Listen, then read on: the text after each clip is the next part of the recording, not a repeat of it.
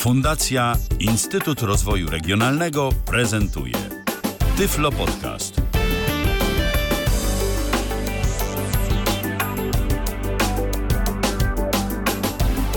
Dzień dobry, dzień dobry. Audycja Tyflo Przeglądu numer 184.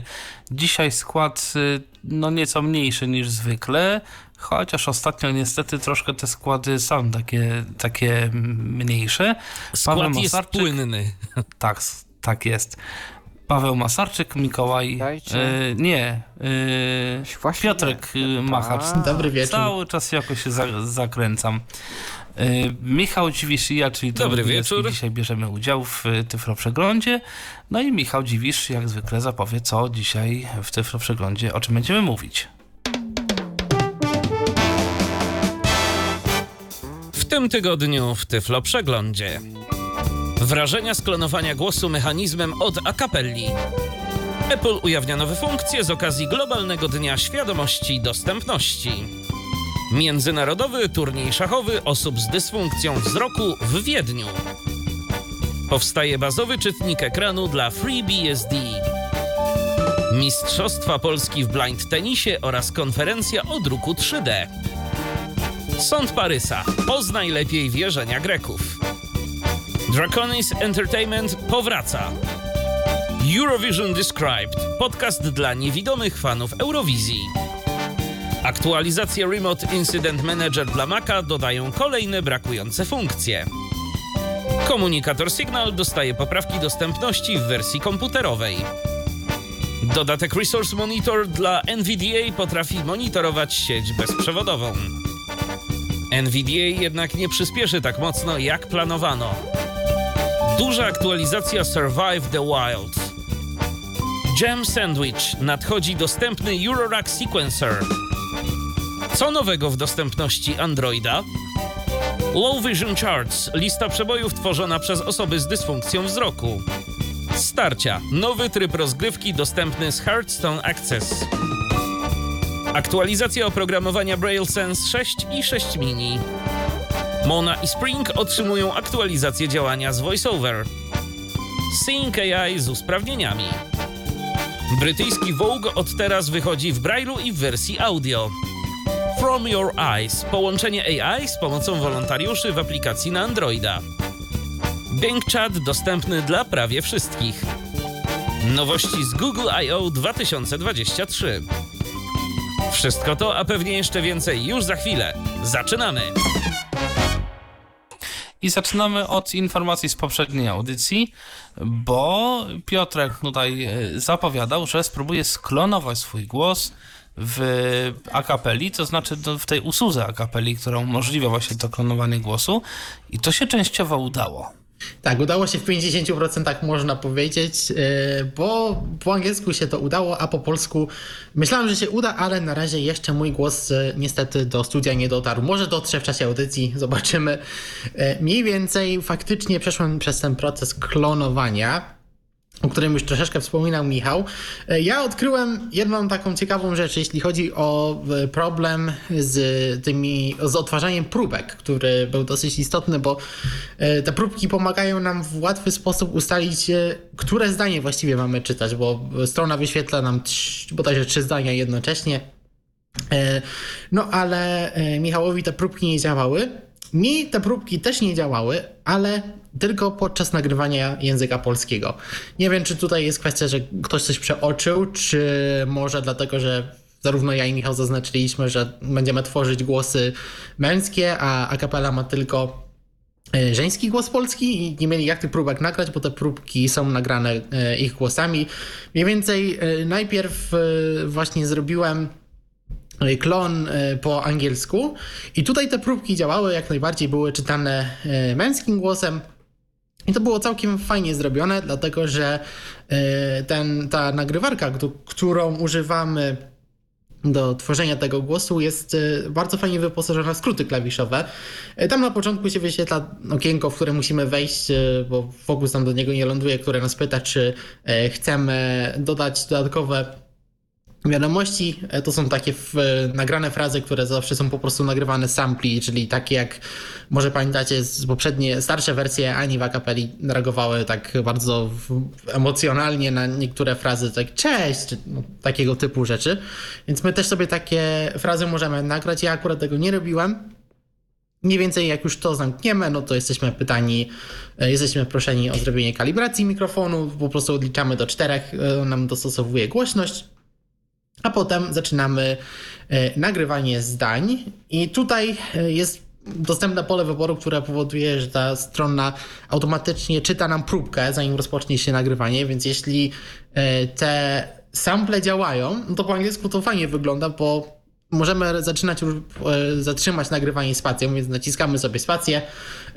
Strona odtwarza nam zdanie, które mamy przeczytać. Po kilku sekundach słyszymy sygnał dźwiękowy, mówimy nasze zdanie, naciskamy spację i nagrywanie się zatrzymuje i strona automatycznie przechodzi nam e, do następnego zdania. Możemy sobie po tych zdaniach chodzić strzałkami lewo, prawo i wtedy po prostu otwarzać sobie te próbki. E, możemy też strzałką w górę, a Enterem możemy odtworzyć nasze nagranie, więc jeśli chcemy zobaczyć jak nam coś wyszło i e, jeśli nam coś nie pasuje, no to możemy nagrać jakieś zdanie jeszcze raz. No i tak to zrobiłem. Zdań było 50. E, to są bardzo krótkie zdania. Chodzi o to, żeby zebrać jak najwięcej fonemów. One są e, bardzo różne, zarówno po angielsku i po polsku. E, dużo jest czytania na przykład z książek kucharskich, co ciekawe, więc, więc, więc tak to jest. Samo nagrywanie, nie wiem, zajęło mi może 15-20 minut, kilka zdań nagrywałem jeszcze raz, no i jak już to wszystko się za, zakończyło, to yy, znów jesteśmy pytani, czy chcemy dodać te dodatkowe sample. Jeśli się nie zgodzimy lub zgodzimy i dodamy je, no to yy, strona nam zaoferuje możliwość wysłania głosu do utworzenia. Jak już to zrobimy, dostajemy komunikat, że yy, tworzenie głosu może zająć kilka dni, no i po zakończeniu tego jesteśmy poinformowani w mailu.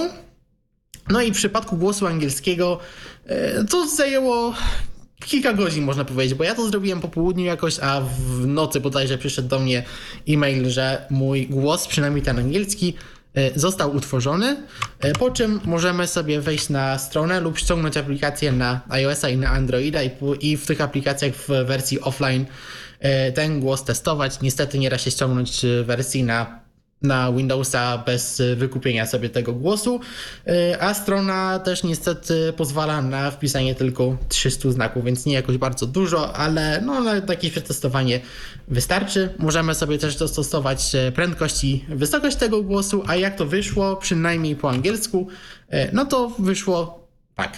Hello listeners. This is a synthesized version of Piotr speaking. The voice was generated from 50 short sentences of audio, which took about 20 minutes to record. What do you think? Does it sound anything like the real me? Hello, listen. się zapętliło. E, jakoś e, nie podniósł e, intonacji na znaki zapytania, mimo to, że tam pamiętam były zdania, które kończyły się pytajnikami. Ja na pewno podnosiłem ten głos. No, Słychać, że tam jak czasami jakieś sample przeskakują, ten głos jest taki trochę jak ja, ja tutaj wcześniej w, przed audycją mówię, taki trochę brzmi znudzony. Może poniekąd to jest kwestia zdań, jakie musiałem przeczytać, nie wiem. No ale mniej więcej wiesz, barwa głosu jest zachowana, słychać tak, tam barwę takie... sklonował dość wiernie. Tak, e, no tak, tak wyszedł ten głos po angielsku. No ale teraz tak, jeśli nie mamy tych sampli, to jak uporać się z tym e, w języku polskim? Ja na to znalazłem sposób.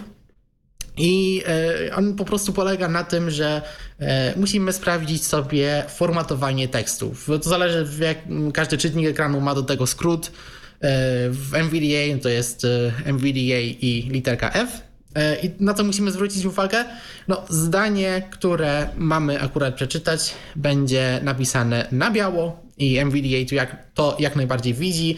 E, zdania, które mm, są po prostu wyświetlone poniżej i powyżej są e, napisane na szaro bodajże, więc e, tutaj spokojnie można sobie sprawdzić, które zdanie mamy czytać i je tak ponagrywać. Ja właśnie sobie tak te zdania e, przedwczoraj nagrałem. E, też wysłałem głos do utworzenia, e, ale niestety jeszcze, jak już wspominałem, na początku się nie pojawił. Mam nadzieję, że może w czasie audycji jeszcze się coś, coś ukaże. Monitoruję skrzynkę odbiorczą. Gdyby ten głos dotarł, no to jeszcze w tej audycji postaram się go Wam pokazać. No ale jeśli nie dotrze, a sami chcielibyście to, tą usługę przetestować, no to mimo to, że w tym momencie jest taki błąd e, z tymi e, próbkami, to jak najbardziej da się to zrobić. Za chwilę przejdziemy do kolejnych newsów, ale na początku, znaczy na początku, zapomniałem w zasadzie na początku powiedzieć o tym, że jesteśmy do Państwa dyspozycji na Zoomie, jeżeli chodzi o kontakt. Jesteśmy na YouTubie, jesteśmy na Facebooku, jesteśmy w Tyflo Radio, jeżeli chodzi o odsłuch. Dodatkowo na YouTubie i chyba na Facebooku też można do nas e, pisać komentarze. No i można też do nas pisać w aplikacji Dawida Piepera i w aplikacji Arka Świętnickiego na system iOS. Aplikacja Dawida jest na Windows. To przechodzimy teraz już do rzeczy, które nam są, u nas są nowe w, w audycji i zaczynamy od drugiego newsa, bo tutaj Piotrek już coś mówił, to teraz od newsa może y, Pawła, na temat y, międzynarodowego konkursu, turnieju szachowego w Wiedniu dla osób niewidomych. Tak, taki turniej się odbędzie. Y, odbędzie się on w dniach 3 do 9, jeszcze tu sprawdzam, lipca, więc jeszcze dwa e, miesiące są. E, tak, zgadza się, cały ten tydzień. W domu Louis, Ludwika Braille'a Louis Braille House w Wiedniu. I jest to turniej, który składa się z siedmiu rund. Różne grupy wiekowe są tam mile widziane od młodzieży mm, przez osoby dorosłe po tak naprawdę seniorów. E, i można się zgłosić. E, turniej będzie rozegrany w trybie e, czy w konwencji szwajcarskiej.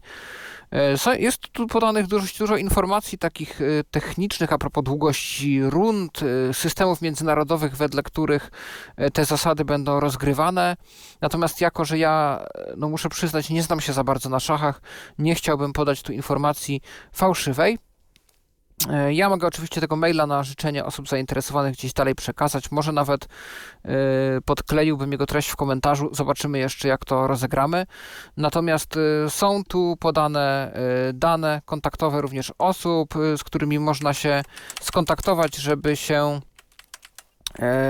tutaj, prawda, zarejestrować. E, ponoć e, tutaj z tego co czytam 25 euro dla osób dorosłych to jest opłata rejestracyjna, troszeczkę mniej dla dzieci i to tam też do 15 z tego co pamiętam czerwca. I mm, właśnie, teraz przeczytam adres mailowy może do rejestracji. To pan sędzia turnieju, pan Werner Stubenwol i jego adres to werner przez w. Stuben, Stuben V O L L, Stubenwol małpa li west przez w l i w e s t .at. Mm, oczywiście jest też numer telefonu, yy, ale myślę, że lepiej będzie rzeczywiście te dane tutaj podkleić. E, tu jest oczywiście e, jedzenie jest zapewnione w bufecie. Mm. I nagrody są również i są bardzo e, tu ciekawe nagrody, bo za pierwsze miejsce jest to nagroda w wysokości 200 euro, za drugie miejsce 150 euro, trzecie 100, a czwarte 50.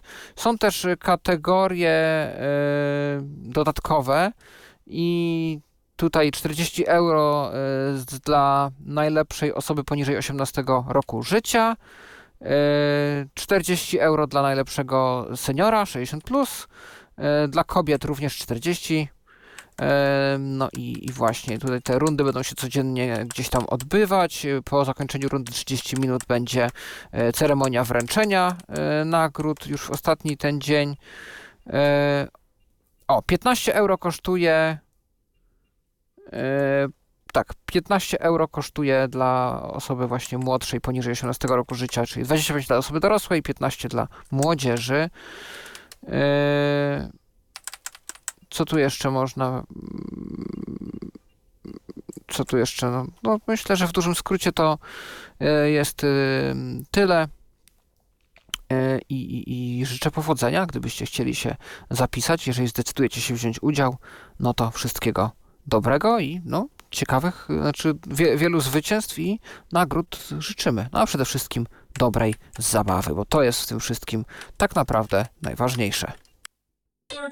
Niedawno odbył się Światowy Dzień Dostępności i z tego powodu Apple, znaczy nie wiem czy z tego powodu, ale no w każdym razie teraz Apple ujawnił kilka opcji mm, dostępnościowych, które pojawią się no na pewno w iOSie, ale czy tylko w iOSie? Właściwie dzień dostępności będzie jutro, ale kilka firm, no właśnie między innymi Apple już, e, już tajemnicę troszeczkę uch, uch, e, już pokazało troszeczkę nowości, właściwie już wczoraj. E, no właśnie, czego możemy się spodziewać w tym roku, jeśli chodzi o nowe funkcje w dostępności Apple? No, pokazano tutaj kilka nowych funkcji, które dotyczą właściwie różnych niepełnosprawności, bo pierwszą rzeczą, o której wspomina Apple, jest e, tak zwany tryb wspomaganego dostępu. E, to jest coś, o czym już mówiono parę miesięcy temu właściwie w przeciekach, bo wyszły jakieś przecieki, że iPhony mają doczekać się jakiegoś uproszczonego interfejsu, uproszczonego ekranu głównego, uproszczonych aplikacji. No i teraz Apple już to oficjalnie e, potwierdziło. To jest widok, który upraszcza aplikacje i interfejsy do ich najważniejszych e, elementów. E, tutaj ta funkcja została stworzona w współpracy z osobami, e, które pracują z osobami z osobami z, z, z które mają jakieś problemy z, z rozpoznawaniem z obciążeniami poznawczymi, przepraszam bardzo. Ale myślę, że te funkcje też się mogą przydać osobom na przykład starszym tego, albo tym, którzy e, nie chcą się uczyć jakichś bardziej skomplikowanych e, interfejsów, bo e, też te kontrolki będą większe. Głównie tutaj chodzi o pięć aplikacji, które zostały w ten sposób uproszczone. To jest aplikacja zdjęcia, aplikacja aparatu, E, interfejs połączeń tutaj chodzi o to, że nie ma osobnej aplikacji telefon i FaceTime, tylko jest jedna aplikacja połączenia, która jest e, uproszczona, e, uproszczona aplikacja muzyki i uproszczona aplikacja wiadomości. Każda z tych aplikacji może być dostosowana do potrzeb indywidualnych takiej osoby. Możemy na przykład jakieś ulubione kontakty wybrać e, w aplikacji wiadomości, skonfigurować ją tak, aby nie otwierała domyślnie klawiatury, a po prostu na przykład tylko wybór emot ikon, jeśli ktoś ma jakieś problemy komunikacyjne i łatwiej mu po prostu wysłać emotka albo nawet wiadomość wideo, więc ta aplikacja może się tak otwierać. Aplikacja muzyka też po prostu jest e, uproszczona, łatwiej można ulubione playlisty lub artystów e, wybrać. No i w ten sposób można komuś tak e, telefon bądź iPada uprościć. Myślę, że to się może właśnie przydać nie tylko osoba, osobom z niepełnosprawnościami różnymi intelektualnymi, ale właśnie też na przykład osobom starszym. I nie tylko. Następnie mamy E, konwersja mowy na w czasie rzeczywistym i synteza własnego głosu. No i tutaj znowu wracamy do tematu, który już, mi, już dzisiaj się pojawił, właściwie ostatnio jakoś wraca na, jak bumerang, no bo nie tylko akapela będzie nam pozwalała na sklonowanie własnego głosu. To jest e, funkcja, która najbardziej zaciekawiła media e, technologiczne, bo wiele z nich zaczęło wypuszczać właśnie artykuły, e, które na tej funkcji się skupiają, bo o co tu chodzi? E, przynajmniej w języku angielskim nasz iPhone bądź iPad lub Mac będzie w stanie sklonować nam nasz głos, więc jeśli mamy sytuację, w której wiemy, że no, ten głos stracimy, no poniekąd temat, który już poruszaliśmy w przypadku E, akapeli, no to tak samo jak właśnie w przypadku akapeli e, przez czytanie e, zdań na urządzeniu, tutaj Apple mówi, że to potrwa około 15 minut, urządzenie będzie w stanie sklonować nam nasz głos, tylko w tym przypadku to się wszystko, jak to często w przypadku wszelkich technologii, które oferuje Apple, będzie miało miejsce wyłącznie na naszym urządzeniu. Te dane nigdzie te dane nigdzie nie będą wysyłane, więc tutaj nasza prywatność jest zachowana. Później. A tak z ciekawości. No. E, ciekaw jestem, czy Apple przewiduje coś takiego, że ktoś chciałby się podzielić z kimś swoim głosem.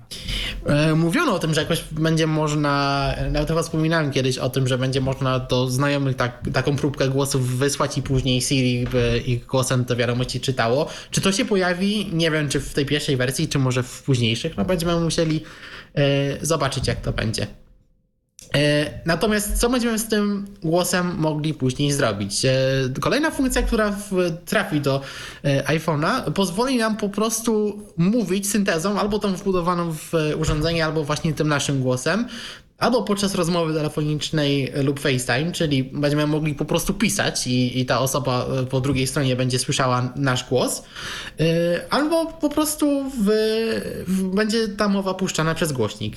Będzie można sobie jakieś ulubione zdania, frazy zapisywać i puszczać jednym przyciskiem, więc tutaj to się też może po prostu przydać nam e, w życiu codziennym, jeśli będziemy chcieli z kimś porozmawiać, a nie możemy sami coś powiedzieć no to naszym telefonem też będziemy mogli e, nasz głos puścić. No będziemy musieli zobaczyć, jak, e, jak ten głos będzie brzmiał po sklonowaniu, jak pierwsze bety iOS 17 się e, pojawią, no to na pewno będziemy mogli coś więcej o tym powiedzieć. A teraz następna rzecz, która może bardzo przydać się nam, bo tutaj znów kłania się czujnik LIDAR, bo to jest funkcja, która z tego korzysta. E, funkcja wskazywania i odczytywania, jak to wdzięcznie zostało przetłumaczone, to jest coś, co e, trafi do aplikacji Lupa, którą możecie pamiętać, bo w zeszłym roku na przykład trafiło do niej e, wykrywanie drzwi, które też z czujnika LIDAR korzystało. A co da nam ta funkcja wskazywania i czytania? No, będziemy mogli skierować telefon na jakieś urządzenie, które może mieć przyciski o których my nie jesteśmy pewni. Mogą to być jakieś przyciski dotykowe, może być jakaś mikrofalówka, jakiś, e, jakaś klimatyzacja, no coś, e, co chcemy obsłużyć, ale nie znamy układu przycisków tego urządzenia. No i później jak będziemy kierować telefon na to urządzenie, a drugą ręką e, przesuwać palcem po tych przyciskach, albo może minimalnie nad nimi, E, no to po prostu VoiceOver nam będzie czytał, jakie przyciski mamy pod palcem. Będzie tutaj stosowany OCR i po prostu dzięki e, temu OCR-owi urządzenie będzie mogło nam e, powiedzieć, używając tego czynnika LIDAR, żeby wykryć nasz palec, jak, no jaki przycisk mamy pod palcem. E, no na razie taki największy minus tej funkcji jest taki, że ona niestety nie będzie dostępna w języku polskim. Tutaj są wymienione te wszystkie języki, które, w których jest dostępny OCR w Apple'owski, czyli to jest e, angielski, niemiecki, francuski, ukraiński, e, hiszpański, no te wszystkie najbardziej popularne języki, ale niestety polskiego na razie nie ma, więc przypuszczam, że jeśli ktoś będzie chciał z tej funkcji korzystać, no to będzie trzeba albo przełączyć cały język urządzenia, albo przynajmniej e, język voiceovera. Natomiast myślę, że jeśli ktoś będzie chciał to przetestować, to e, będzie się dało to zrobić.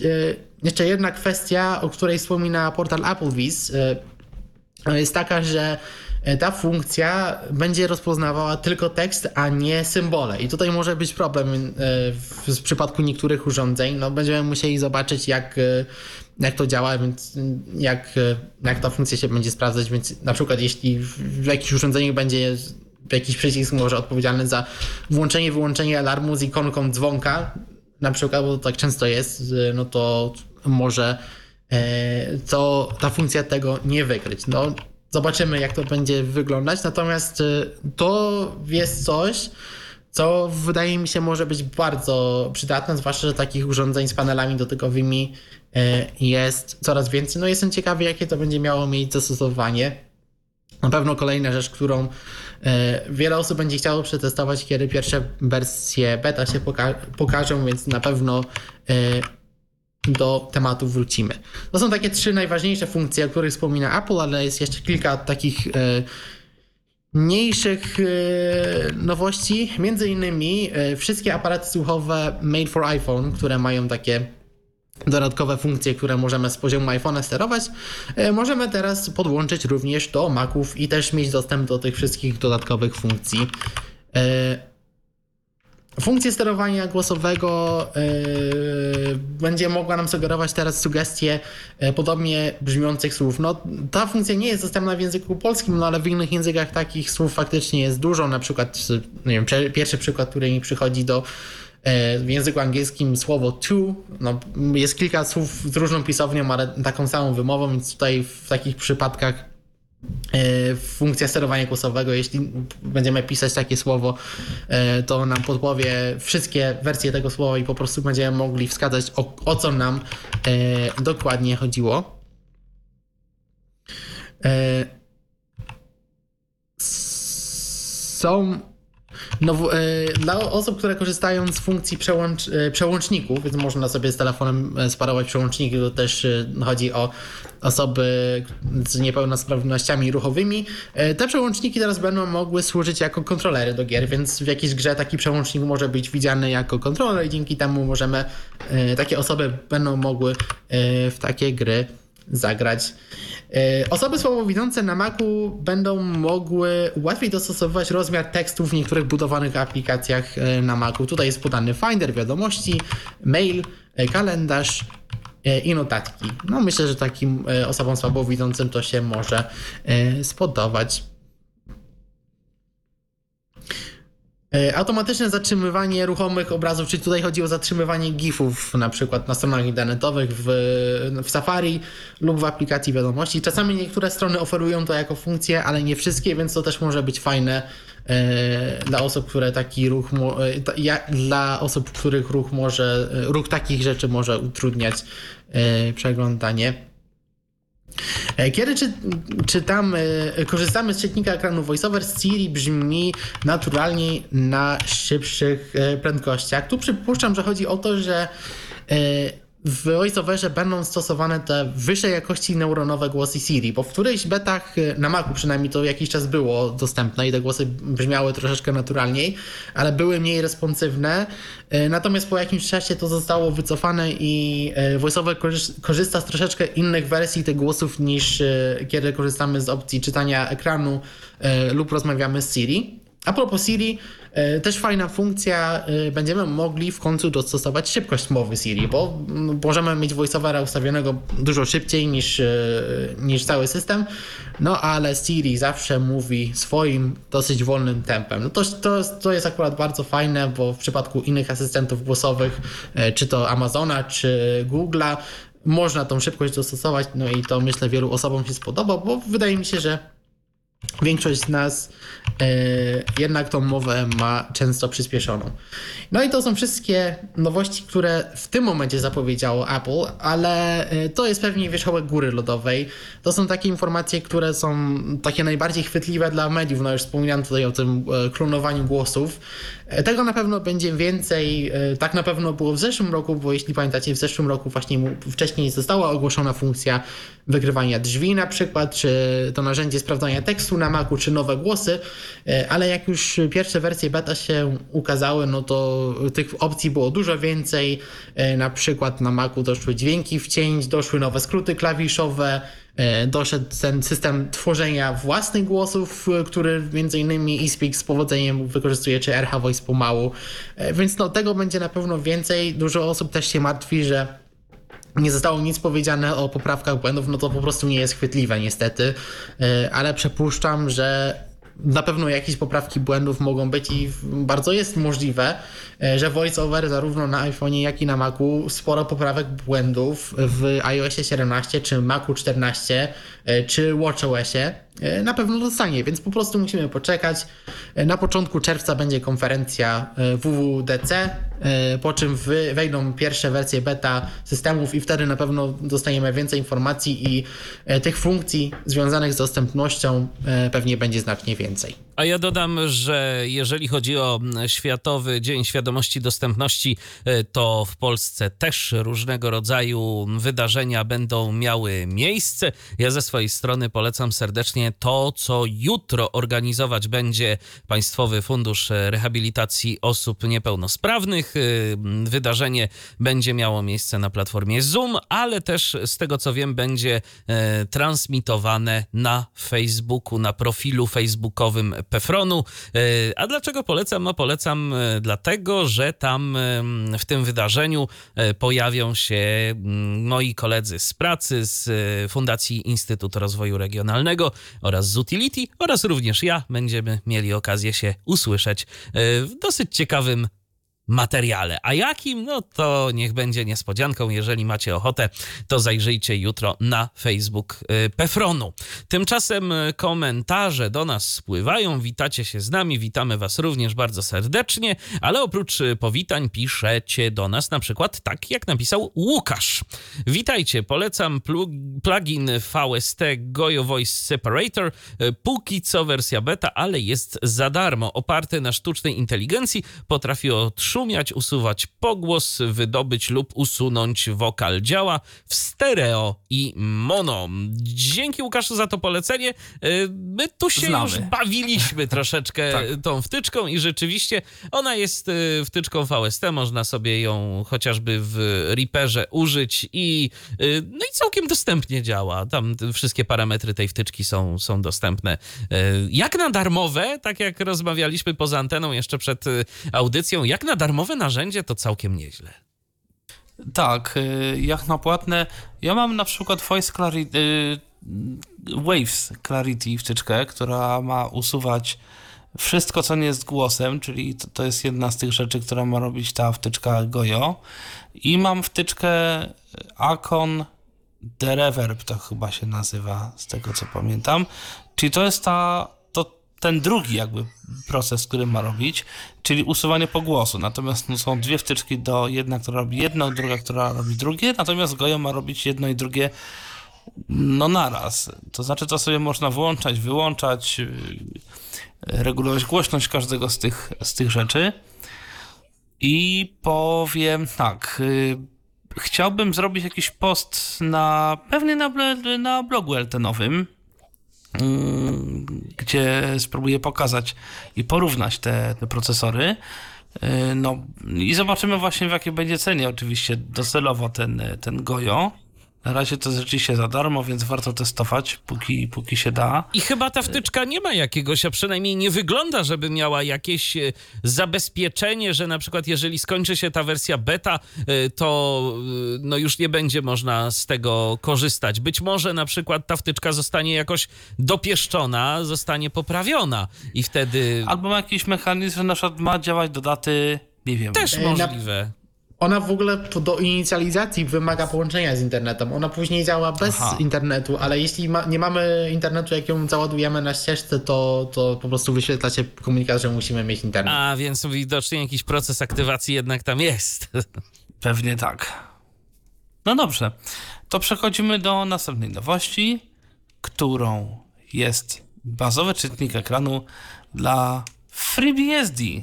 Tak, dla FreeBSD ja zupełnie przypadkowo natknąłem się na te informacje. Ten czytnik ekranu powstaje już od zeszłego roku y, i mm, co ja mogę powiedzieć? Y, w ogóle czym jest system FreeBSD? Y, to jest system, który przede wszystkim jest instalowany na serwerach. To jest też system taki typowo tekstowy, a przynajmniej w ten sposób zazwyczaj się go używa.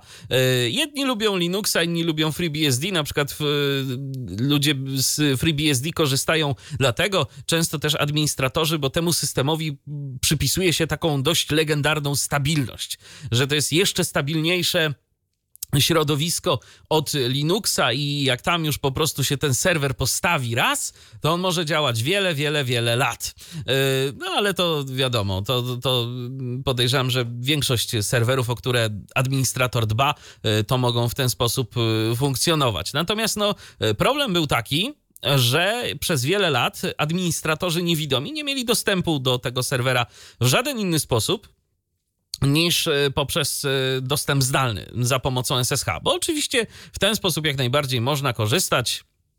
Możemy się na taki system zalogować i tam sobie pracować i są czynione jakieś e, podstawowe działania odnośnie tego, żeby taki prosty czytnik ekranu, który będzie odczytywał tekstową konsolę FreeBSD e, stworzyć i już nawet zostało coś stworzone. Jest kilka elementów, z których ten czytnik się składa. Trzeba je doinstalować, trzeba skompilować i zainstalować najnowszą wersję kernela do FreeBSD, no i po prostu potem e, jeszcze do, do, dociągnąć kilka elementów, e, które e, zostaną wskazane. Ja podlinkuję informacje na temat tego czytnika ekranu. No i cóż, jeżeli mm, chcecie, jeżeli macie na tyle cierpliwości, żeby się z tym zmierzyć, to będziecie mogli sobie to potestować. Ja się trochę obawiam, no bo ten czytnik ekranu, on wygląda przynajmniej na razie, że to jest jakiś taki element, który sobie gdzieś tam trzeba doinstalować e, i z tego e, skorzystać w późniejszym czasie. Na razie wygląda na to, że cały czas jest problem z instalacją FreeBSD, taką e, poprzez e, syntezę, tak jak e, chociażby jest to zrobione w Debianie, że tam sobie odpalamy serwer z jakiejś płytki czy nośnika USB i jeżeli tylko mamy kartę dźwiękową, no to możemy skorzystać. A tutaj no, działa to w ten sposób, że, ta, że ten czytnik ekranu doinstalować możemy później. Mówi do nas i z też to tak e, a propos, no ale to nie jest nic dziwnego, bo to jest najbardziej rozpowszechniony taki otwarto e, źródłowy syntezator. Więc e, jeżeli temat Was zainteresował, to zachęcam do jego zgłębiania. Być może na tym się nie zakończy. Co ciekawe, w ten proces jakoś jest zaangażowana Nvidia, która jakieś tam środki dorzuciła do rozwoju tego czytnika ekranu. A teraz przechodzimy do nowości od Polskiego Związku Niewidomych, które przygotował dla nas Paweł. No kilka tych właśnie jest. No konkretnie dwie. No zasadniczo to trzy, tylko jedna to jest takie dwa w jednym, bo to jedno wydarzenie, ale dwa tematy, które, no aż jestem zdziwiony, że takie tematy ze sobą połączono, bo połączono Mistrzostwa Polski w blind tenisie z konferencją o druku 3D, więc takie tematy wydawałoby się, że odległe, ale organizatorzy widocznie dadzą, dadzą radę. E, I mamy tu informację taką.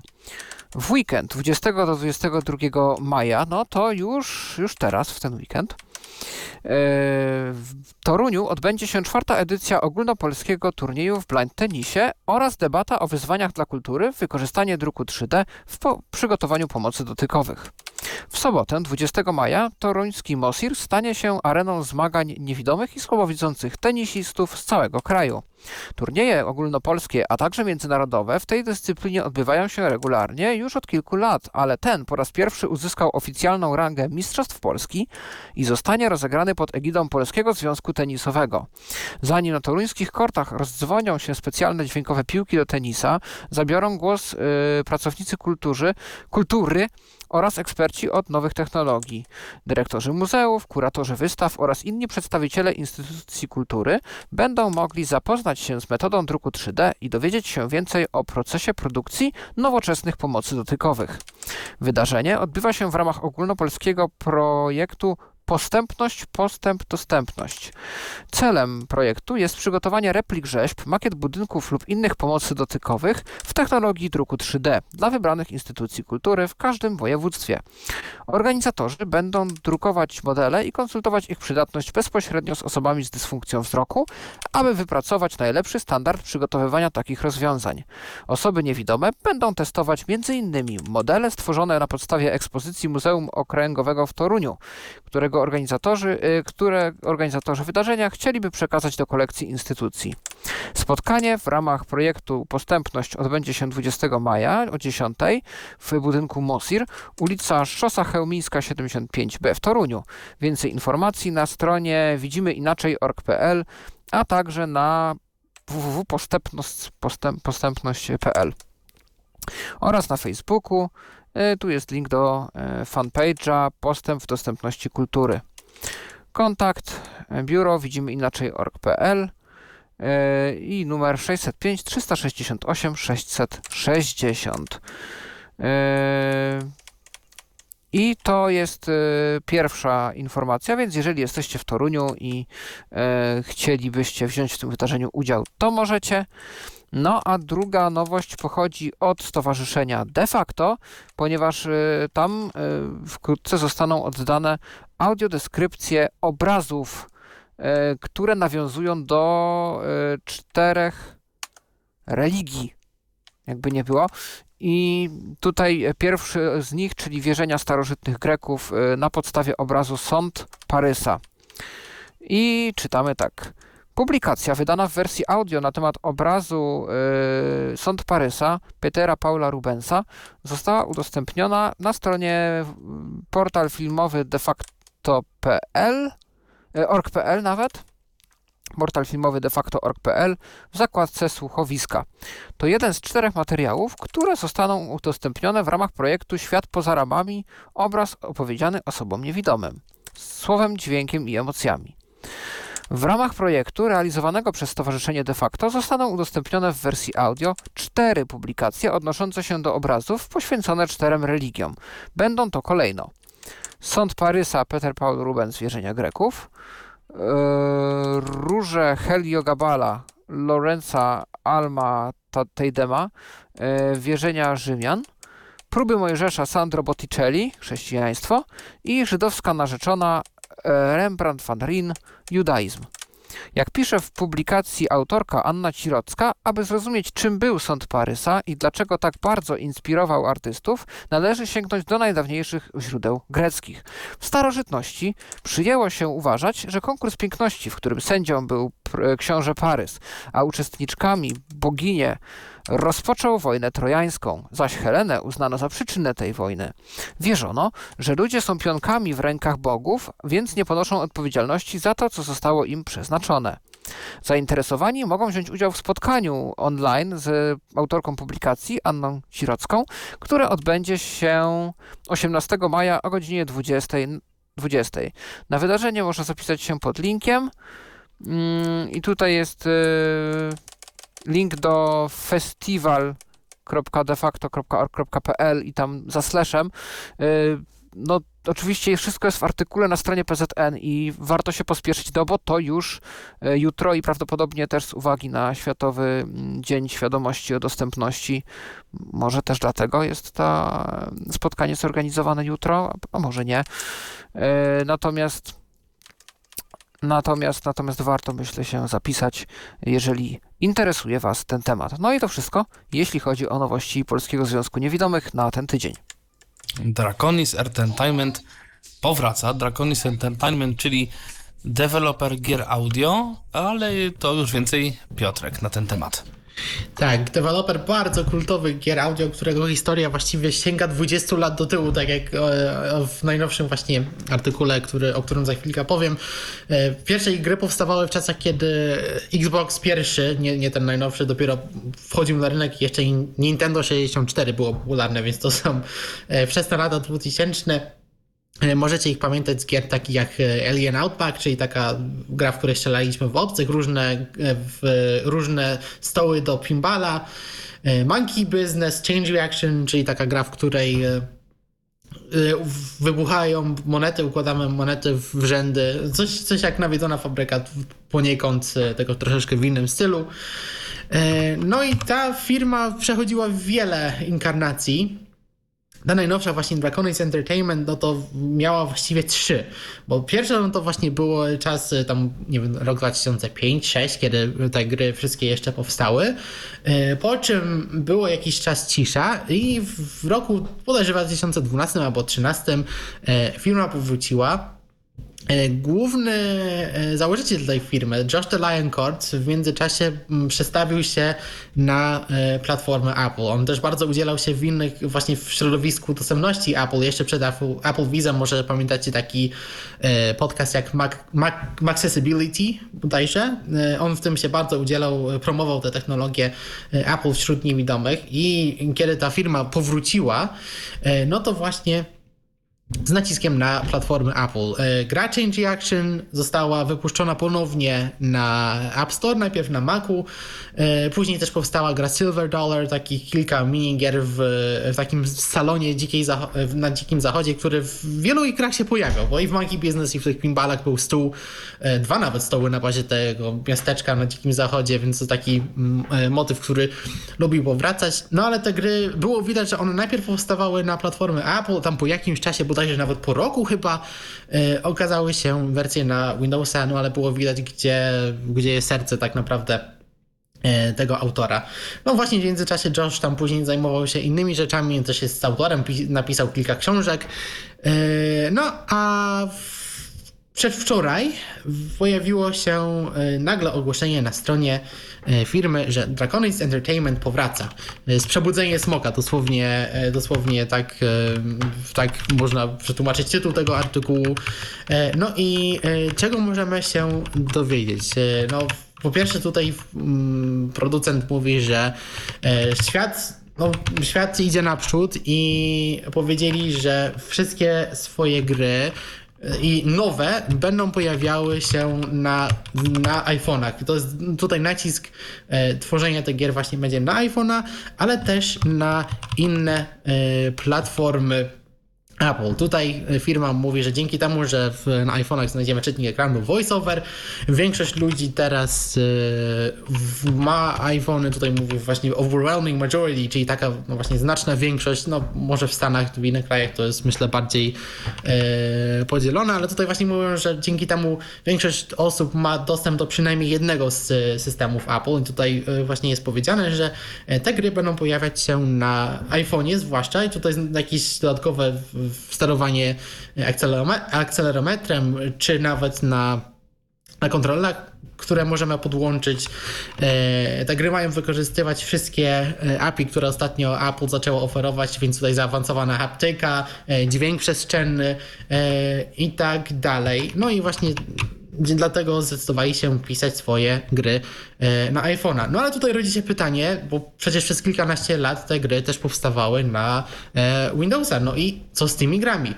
No, niestety okazuje się, że e, wsparcie dla Windowsa zostało porzucone. Właśnie tutaj producent generalnie cieszy się z tego, że dzięki temu właśnie, że nie musi pisać na Windowsa, przynajmniej nie chce, to może wykorzystać w pełni te wszystkie API, które firma Apple e, oferuje, ale też mówi, że koszt utrzymania tych gier na Windowsa e, już był po prostu za duży. Tutaj zarówno chodzi o serwery aktywacyjne, które były potrzebne do tych ich nowych gier, czyli właśnie Silver Dollara i Change Action tej nowej wersji, ale też e, systemy generujące klucze produktu do tych starszych gier, które też już no, zostały pisane 20 lat temu w językach programowania, które tak naprawdę już nie są wspierane i błędy się pojawiały. Tak na przykład jak Windows Vista wyszedł, to był taki okres, kiedy wiele z tych gier E, przestało działać, no więc tutaj się skupili e, wyłącznie na platformach Apple.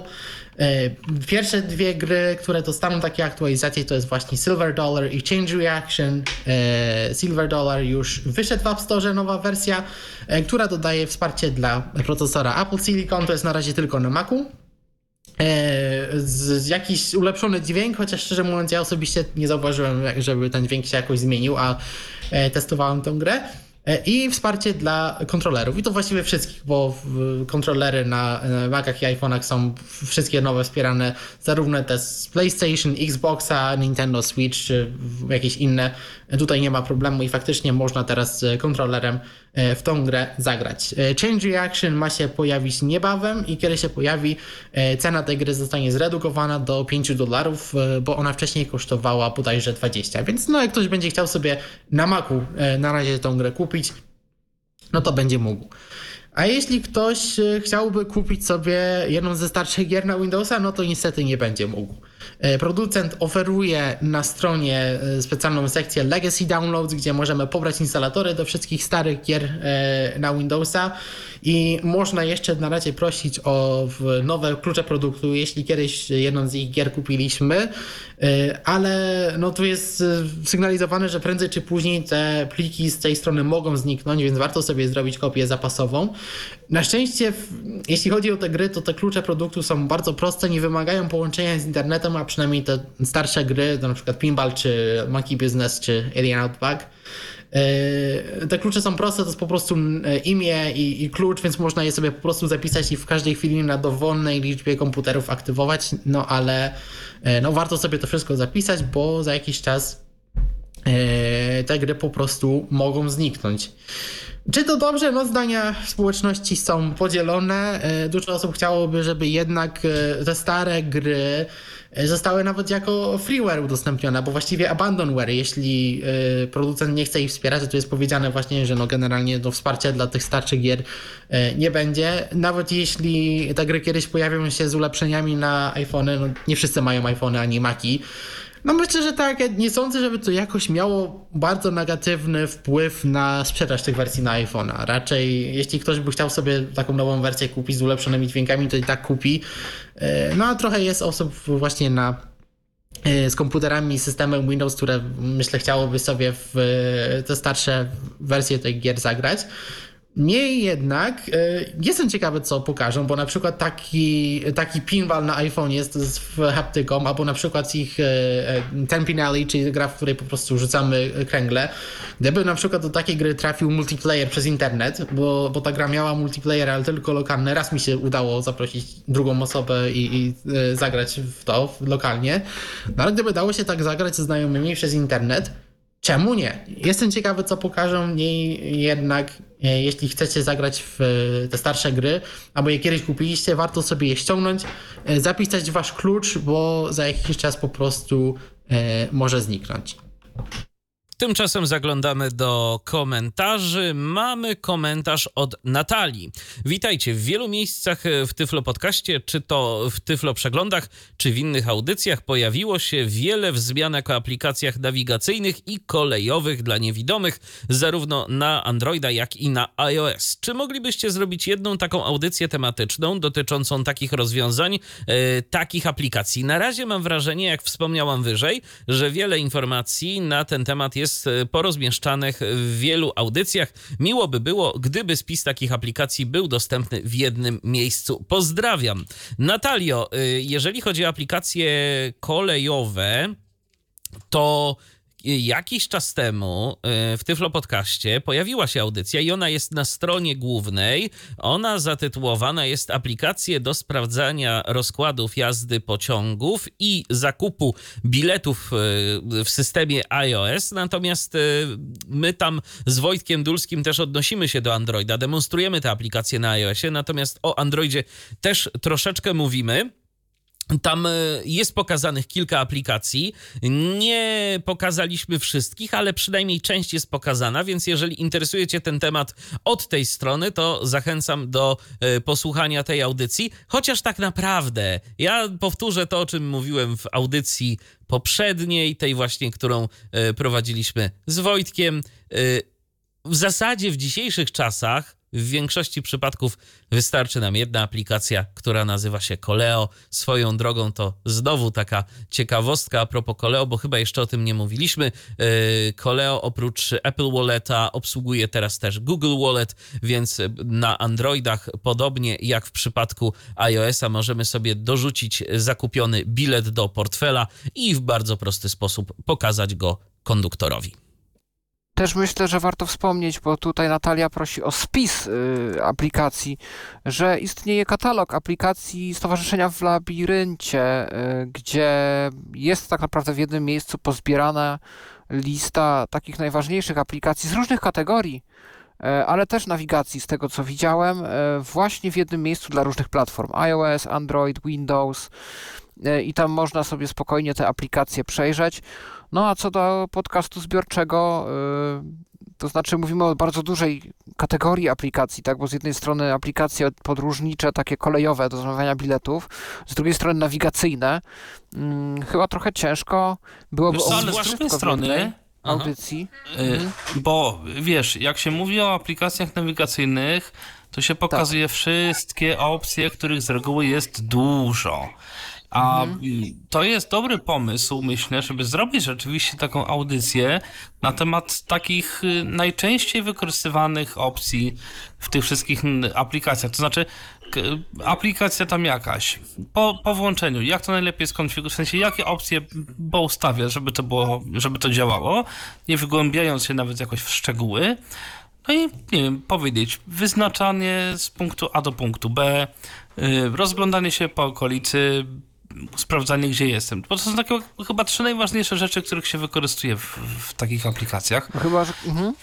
No i właśnie gdyby po prostu w każdej aplikacji pokazać takie rzeczy, Tak, jak to tak. się robi, no to, no to już, to chyba by było i wtedy można by zrobić kilkanaście minut o, o jednej z tych aplikacji, plus właśnie pokazać te aplikacje typu y, Move It, Time for Bus, Mobile MPK na Androida, Inna tam, rzecz, może że, coś jeszcze. Inna No rzecz, że te aplikacje w większości, oczywiście wiadomo, że nie w najnowszych e, wersjach, e, ale mają swoje audycje dedykowane, poświęcone konkretnemu narzędziu, więc e, jeżeli interesuje cię na przykład jakaś konkretna aplikacja, bo to z Tak, czym... to się często tam niewiele zmieniło. Tak, ale to Oczywiście nie czym, zawsze, z czym mówił Paweł, to się akurat tutaj zgadzam, że no, gdyby chcieć to tak szczegółowo omówić, to faktycznie jest tego dosyć dużo yy, na jedną audycję i to yy, chyba jedynym rozwiązaniem tego problemu byłoby to, co proponuje Tomek. Natomiast no, większość tych aplikacji y, została już omówiona. Ja zachęcam do mm, korzystania z wyszukiwarki na naszej stronie. My mamy ponad 2000 audycji, więc po wpisaniu y, na przykład jakiejś nazwy aplikacji istnieje dość duże prawdopodobieństwo, że audycja na jej temat została zrobiona. Y, inna rzecz, jak ona jest aktualna, ale przynajmniej nawet jeżeli ona nie jest jakiejś pierwszej młodości, no to można się w miarę poglądowo zapoznać z tym, jak ta aplikacja działa, co oferuje i jakie są jej możliwości. I do tego zachęcam. A Chyba- jeszcze proponuję mm, s- zajrzenie sobie na bloga nawigacja.s.elten.blog. To jest blog prowadzony przez Kamila Midzio i no, to jest blog bardzo świeży, więc tych wpisów tu nie jest dużo, ale tam są właśnie takie różne wpisy, e, nie wiem, na temat e, Dotwalkera, Syncas i Soundmove'a, e, być może będzie więcej tych programów, w każdym razie. No to są takie rzeczy, które rzeczywiście gdzieś tam e, są wykorzystane przez nas, no i e, Kamil nawet niedawno napisał, że e, ostatnia, e, ostatnie wspominki tutaj na, na, na Tyflo Przeglądzie gdzieś tam zmotywowały go do tworzenia zawartości, także tutaj no, dziękujemy za miłe słowa. E, No i w związku z tym kierujemy też tutaj na tego bloga. No i no, podejrzewam, że tam z czasem będzie rzeczywiście jakoś tam więcej treści różnych. E, Jeszcze mi przyszło do głowy tak, że można by spróbować pokusić się o taką koncepcję, że zasymulujmy sobie jakąś podróż i co robisz po kolei wyruszając w podróż? Nie wiem, biorę telefon, muszę najpierw e, sprawdzić rozkłady pociągów. Dobrze, sprawdziłem. Muszę kupić bilet. E, mogę jeszcze sobie sprawdzić na przykład, e, chcę się dostać z A do B, więc dojadę tam na miejsce i sobie już sprawdzę przedtem rozkład autobusu, e, czy mogę gdzieś tam na moje miejsce docelowe podjechać, e, ewentualnie jakąś trasę pieszą i potem co robię? No kupuję ten bilet, kupiłem go dobrze, to idę na dworzec yy,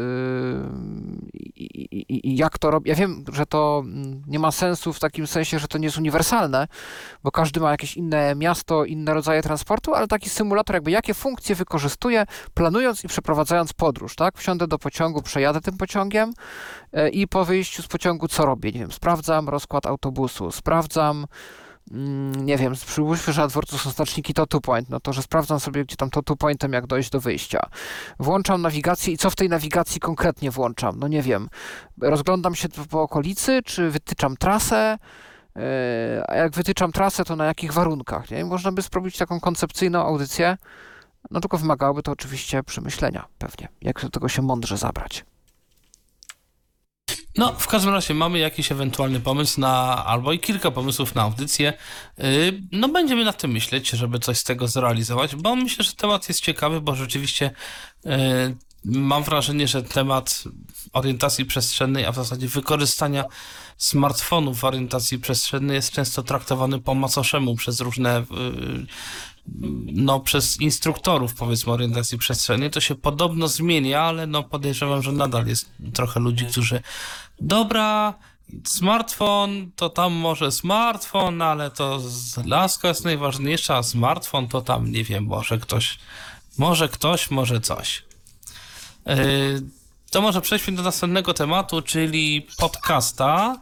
Yy, podcasta dla miłośników Eurowizji niewidomych. Tak, bo e, Eurowizja właśnie się zakończyła e, w zeszłą sobotę. Nie wiem jak wy, czy no wiem, że nie wszyscy się interesują, ale ci z was, którzy oglądają, jak się czujecie ze zwycięstwem Szwecji, bo ja średnio bym powiedział, średnio. Wolałem Finlandię. Ja Jednak. Norwegii kibicowałem znowu.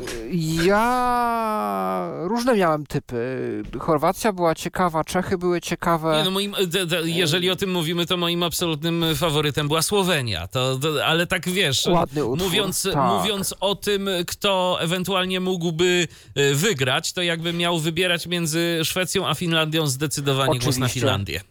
E, tak, ja za chwilę też powiem dlaczego, bo e, właśnie te elementy wizualne okazały się też e, nie bez znaczenia w przypadku e, fińskiego reprezentanta, Karje, ale e, zawsze jak Eurowizja powraca, to co roku powracają te same kwestie. Po pierwsze, co tu robi Izrael i Australia? E, Po drugie, no jak to jest, że jest wielka piątka jakaś, która może sobie bez e, wchodzenia przez półfinały od razu wystąpić w finale? Po trzecie, a to i tak wszystko jest e, przekupione? E, A po czwarte, co to za konkurs piosenki, jak liczy się bardziej taniec, a z drugiej strony, no przecież to się nazywa Eurowizja, a nie Eurofonia.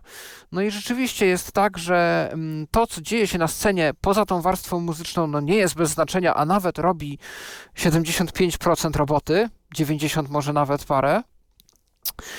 I tak naprawdę to jest to, wokół czego się kręci całe zainteresowanie y, wszystkich, którzy przyszli to wydarzenie obejrzeć. I ja się o tym przekonałem, rozmawiając z swoją koleżanką, jakby osobą widzącą w pełni, która też jest fanką i to, tego na dokładkę śledzi jeszcze i się udziela w przeróżnych y, społecznościach eurowizyjnych, fanowskich online. E, no i przykładowo dowiedziałem się, że kompletnie mylnie zinterpretowałem treść kilku utworów i że wydawało mi się, że są o czymś, natomiast scenografia wskazywała na coś zupełnie innego. E, No i tu właśnie dowiedziałem się też na przykład, że y, fiński reprezentant w ogóle był już wcześniej znany na TikToku e, i on sobie zaskarbił y, przychylność y, społeczności internetowej właśnie tym, że cokolwiek by nie robił, to jest w tym wszystkim taki autentyczny, tak widać, że z pełnym spokojem to robi, że się dobrze bawi, robiąc tą swoją twórczość i rozwijając się muzycznie, że bardzo fajnie podtrzymywał interakcje z widzami, słuchaczami, z fanami, z publicznością, nawet podczas właśnie koncertu już finałowego. Y, Cały czas właściwie, cały Liverpool właściwie kibicował mu. Tak było słychać, Tak. jak były czytane wyniki, to jego imię było po prostu wykrzykiwane dosłownie przez widownię. Tak, i cza, cza, cza, cza, cza, cza to też chyba było dość mocno wykrzykiwane hasło. Więc porwał tłumy. y, natomiast y, właśnie to są te rzeczy, które mi gdzieś uciekły, bo, bo ich nie widzę. I oczywiście jest paru nadawców w Europie. Tutaj Niemcy są przykładem, Austria y, też. y, nie wiem, czy któryś jeszcze, czy Włochy chyba?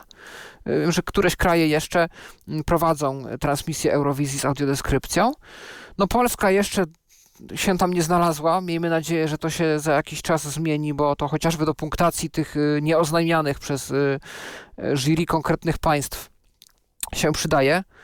E, Natomiast y, oczywiście tutaj mogę- na grafie, tak, proszę. E, Jeśli mogę tutaj coś podpowiedzieć, no przynajmniej finał, ja się o tym dowiedziałem, ja myślałem, że to było tylko tak w tym roku, ale też dowiedziałem się, e, że to jest e, co, co roku i to w każdym finale podobno. E, Jeśli znacie angielski, e, to e, BBC Radio 2 e, transmituje finał Eurowizji i tam troszeczkę można się właśnie takich rzeczy dowiedzieć, między innymi właśnie punkty e, były czytane.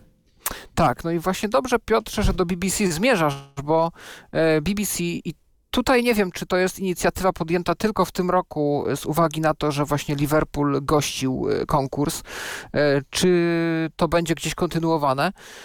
W ramach BBC i tego, że w tym roku Eurowizja się odbyła w Wielkiej Brytanii, na platformie BBC Sounds, czyli taka to jest platforma, nie wiem, czy dobrze kojarzę, z takimi podcastami, nie słuchowiskami, ale takimi różnymi materiałami audio, właśnie radi, różnych rozgłośni należących do BBC, różnych programów, kanałów.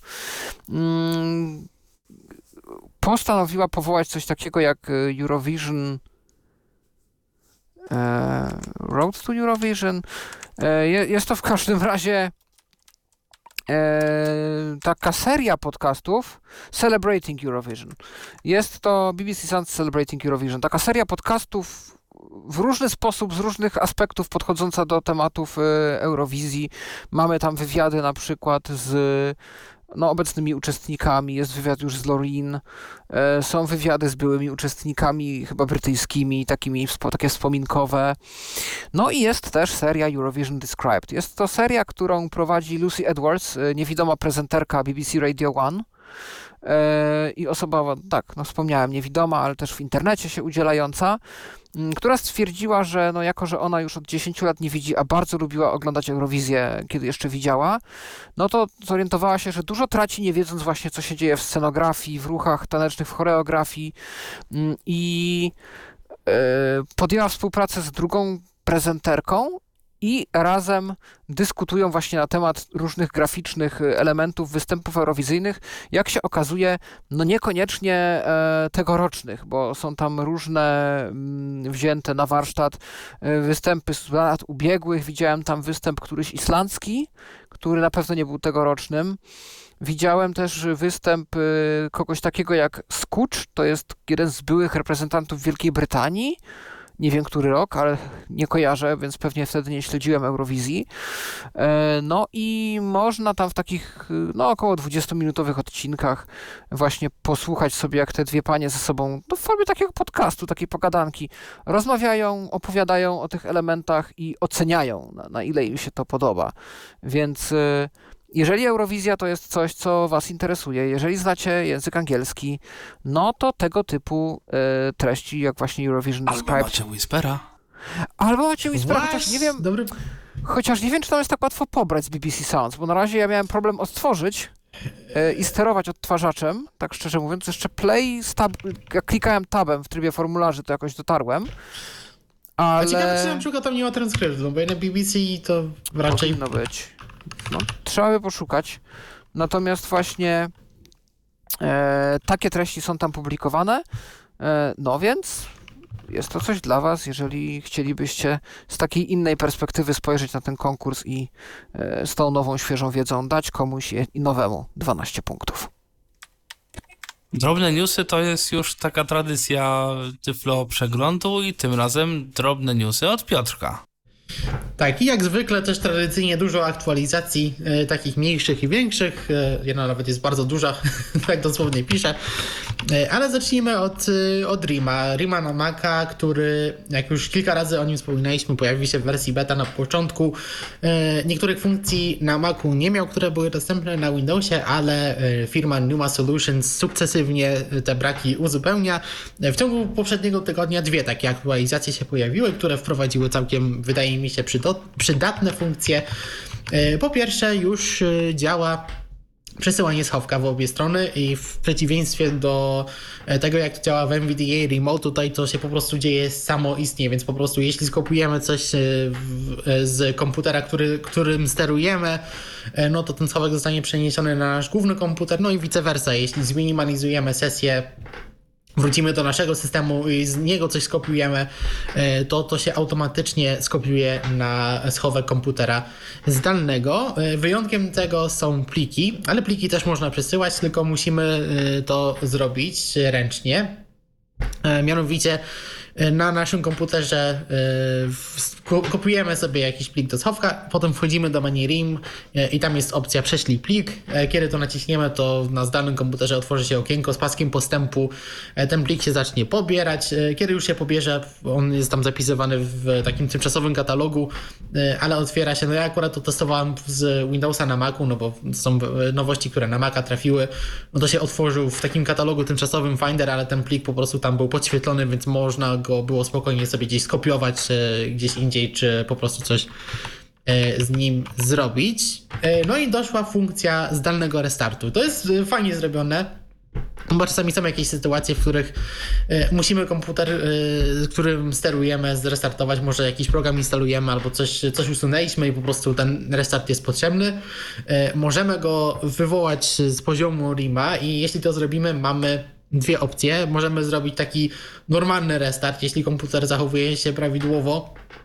No i po prostu wtedy system pomału się zamyka, wszystkie aplikacje dostają sygnał, żeby zapisać swoją pracę, no i e, komputer jest restartowany. No ale też możemy wykonać restart awaryjny, to jest po prostu taki wymuszony, więc system dostaje, gdyby coś się nam zawiesiło, e, wchodzimy sobie do menu RIM, wymuszamy restart, no i jeśli to się nie zawiesiło, no to po prostu ten restart zostanie wymuszony.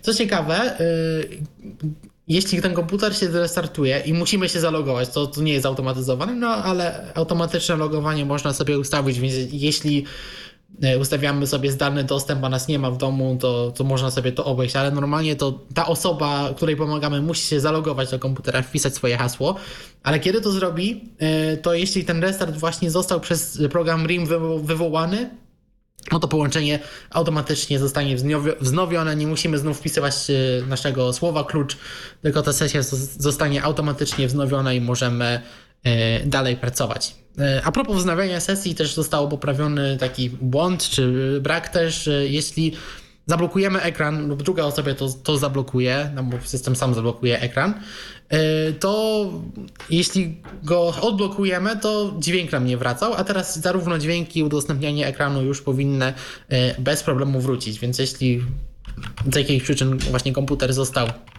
zablokowany, przeszedł na ekran blokady e, Mac, no to bez problemu będziemy mogli wrócić do tej sesji E, i, i korzystać z tego komputera. Następna aktualizacja, wydaje mi się, że już poniekąd chyba Paweł coś o tym wspominał, ale teraz już ta, e, jeszcze chyba kolejne aktualizacje się pojawiły. E, mianowicie chodzi tutaj o komunikator Signal, który no, głównie jest dostępny na telefony, na smartfony, ale ma też swoją wersję komputerową, która staje się coraz bardziej dostępna i tutaj bardzo takie fajne rzeczy przychodzą.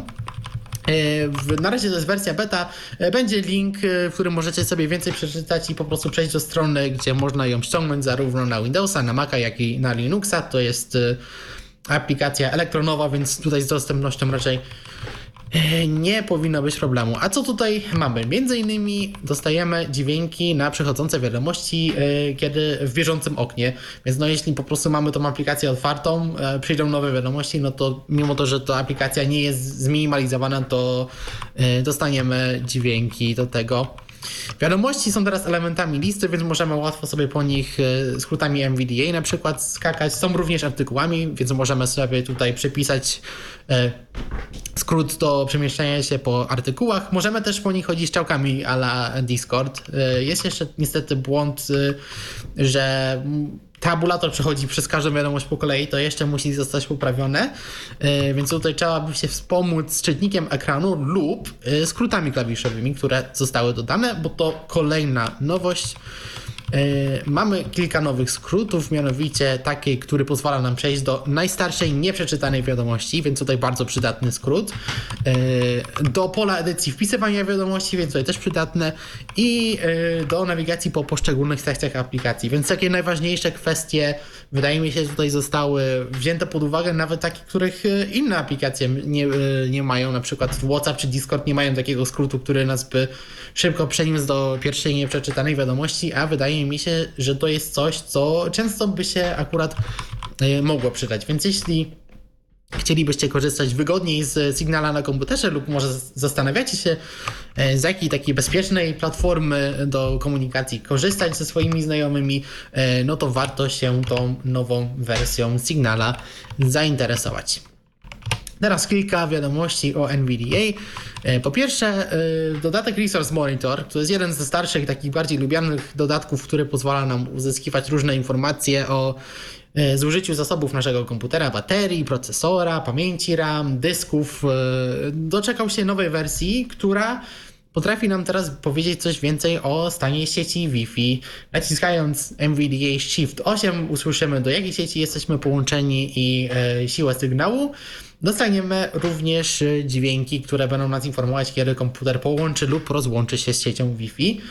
E, natomiast e, jest dosyć istotny błąd e, dla tych, którzy mają komputery stacjonarne bez karty Wi-Fi. Tak mi się wydaje, że to jest przyczyna tego błędu, bo ja sobie ten dodatek, dodatek zaktualizowałem E, po czym skróty e, przestały mi działać. Weszłem sobie do konsoli NVDA i okazało się, że dodatek Resource Monitor wyrzucił błąd, e, bo próbował skontaktować się z jakąś usługą w Windowsie i dostawał komunikat, że ta usługa nie jest uruchomiona. Przypuszczam, że to jest właśnie usługa odpowiedzialna za połączenie Wi-Fi, no że mój komputer jest połączony przez kabel, przez Ethernet, no to ta usługa faktycznie nie jest uruchomiona, no ale dodatek po prostu zamiast dać komunikat, jeśli naciśniemy ten skrót, że po prostu takiego połączenia Wi-Fi nie ma, e, no to po prostu się wykrzacza i, i przestaje całkiem działać, więc to jest błąd, który będę musiał zgłosić. Przypuszczam, że po prostu wszyscy, którzy to testowali, musieli e, akurat to robić na laptopach i nie wiem, nikt chyba nie przewidział, że, że taki problem może się pojawić, niestety.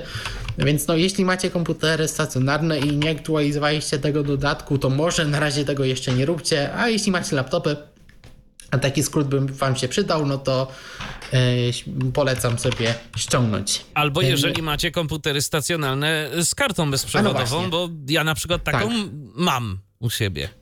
A próbowałeś instalować ten dodatek w najnowszej wersji? E, chyba jeszcze nie. E, jakieś tam aktualizacje dodatków mi przyszły, ale to chyba jeszcze nie był ten. E...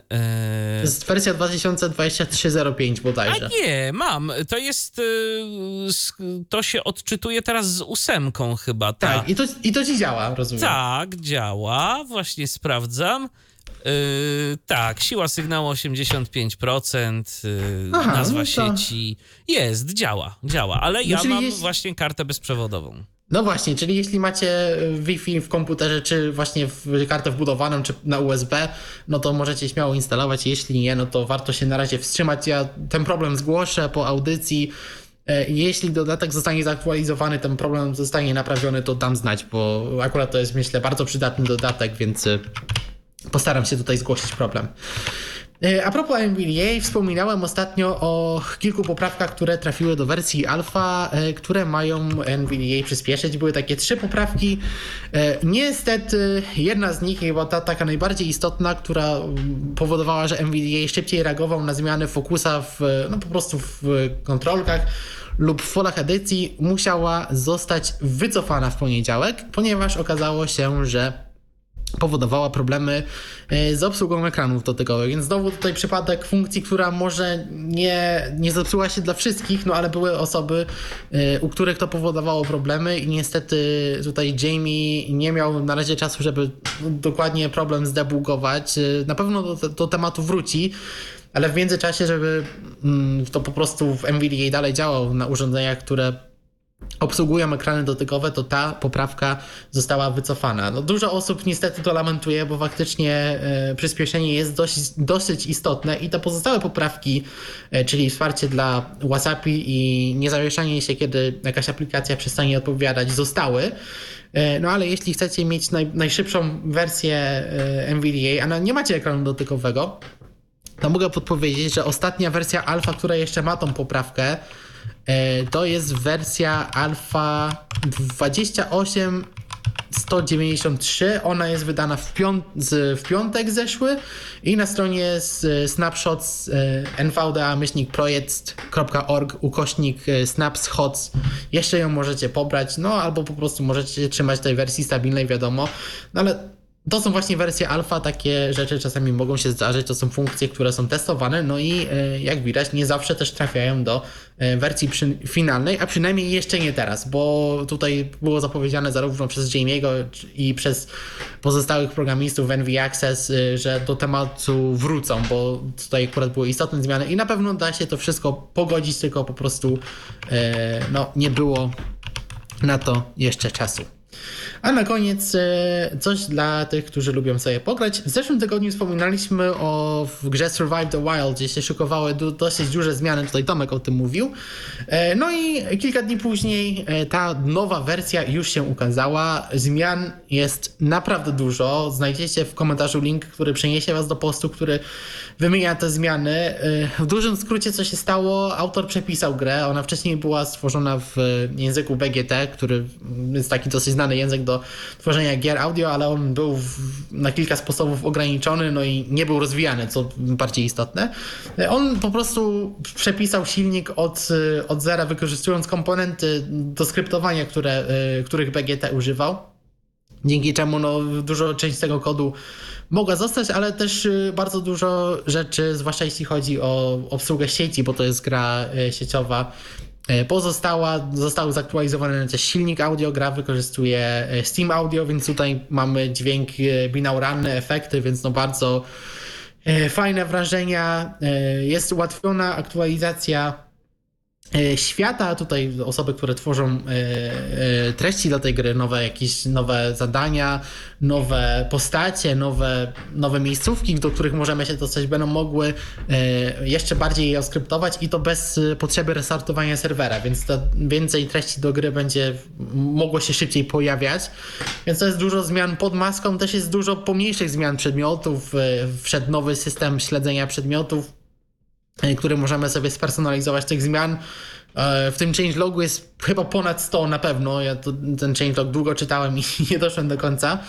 E, jeśli inter interesuje Was taka gra w świecie po, postapokaliptycznym, w której po prostu no, musimy przetrwać e, dzicz, dosłownie jak, jak, ten, jak ta gra się nazywa, po prostu zbierać zasoby, polować na zwierzęta, żeby, żeby po prostu nie, żeby coś zjeść, palić ogień, żeby nie zmarznąć w nocy, no to warto się tą grą zainteresować, zwłaszcza w tej najnowszej wersji, która po prostu powinna działać szybciej i sprawniej. No i to wszystko. Teraz coś takiego, co zostało znalezione przez Pawła. Natomiast temat jest to Wiem, bliski memu sercu, czyli tak, muzyka, sprzęt do tak. tworzenia muzyki. Nie wiem, czy teraz Powstał. Słychać, czy... Słucham? Słychać, ale dość tak. cicho. A, jasne. Nie, bo ja się myślałem, że jeszcze się może wetnę z moimi drobnymi newsami, jak jesteśmy przy okay. no pewnie. I, I, potem byśmy mogli przejść, bo ja, ja, też mam dosłownie kilka. Y, po pierwsze, y, wypuszczona została nowa aktualizacja oprogramowania dla BrailleSense'ów 6 i 6 mini. E, I tutaj dwie takie ważne zmiany. Po pierwsze, aplikacja mailowa otrzymuje wsparcie dla nowego standardu Microsoft Exchange, więc te nowsze konta Office 360 mogą działać. A po drugie, e, radio też zostało, tak jak w SensePlayerze, e, przestawione na katalog radio browsera, więc e, od teraz rzeczywiście można z tego korzystać. Przebudowano pod tym kątem też aplikację radiową, no więc macie teraz w BrainSensach też dostęp do takiego katalogu, który no, po jego, po dodaniu stacji na stronie internetowej radio-browser.info, radio-browser.info, tam pojawi się wtedy e, ta stacja już w tym katalogu i prawdopodobnie też w aplikacji, bo domyślam się, że dostęp do listy stacji ma, następuje po API. Więc yy, no, będzie to dość szybko następowało. Yy, po drugie, wyszła aktualizacja zarówno Mony, jak i Springa, czyli klientów odpowiednio Mastodona i Twittera, właśnie dla iOS-a, Maca. I E, doszło tam parę poprawek odnośnie voice-over. Pewne rzeczy mają być lepiej czytane albo troszkę inaczej. Natomiast jedna zmiana, która przykuła moją uwagę, to możliwość personalizacji tego, co dzieje się po użyciu magicznego stuknięcia, czyli dwa razy dwoma palcami na ekran. I e, do tej pory zawsze było tak, że otwierało się okienko utworzenia nowego wpisu E, natomiast teraz można zdecydować, czy ma nie dziać się nic, czy ma być standardowe działanie, czyli po prostu ma sobie to działać jako play pauza, czy ma, tak jak to do tej pory było, otwierać się okno tworzenia nowego posta, czy ma otworzyć się wyszukiwanie, czyli przeszukiwanie właśnie Mastodona pod kątem y, wpisów czy też Twittera, albo ma się otworzyć przełączanie kont. No więc tutaj taka ciekawa E, bardzo, myślę, przyjemna zmiana. E, po trzecie, w ogóle jeśli mówimy też o Mastodon, o Fediversum, to pewne usprawnienia dostępności też otrzymuje cały czas taki nowy projekt CalcKey, chyba tak się to czyta. Jest to też taka platforma oparta o Fediversum, która jest taką trochę bardziej platformą, coś między mikroblogiem a blogiem, chyba dalej tam są wpisy takie długości mikroblogowej, natomiast tam już jest jakiś specjalny markdown. Tam jest wszystko tak naprawdę. Tak? Czyli... Tak, bo no właśnie. Mhm, to możesz powiedzieć, bo ja, ja, nie wiem specjalnie za wiele o tym. Mhm. Yy, ja się tym zacząłem bawić poniekąd troszeczkę. To jest temat, który na pewno będę musiał jeszcze zgłębić, też jak jeszcze jakieś poprawki dostępności dodam, ale tam właśnie możemy pisać takie krótkie, no krótkie, akurat na tej instancji, na której jestem, jest limit 3000 znaków, ale Okay. Ale no posty takie jak w Mastodonie, zresztą one w, w, innych aplikacjach, które korzystają z ActivityPub się wyświetlają.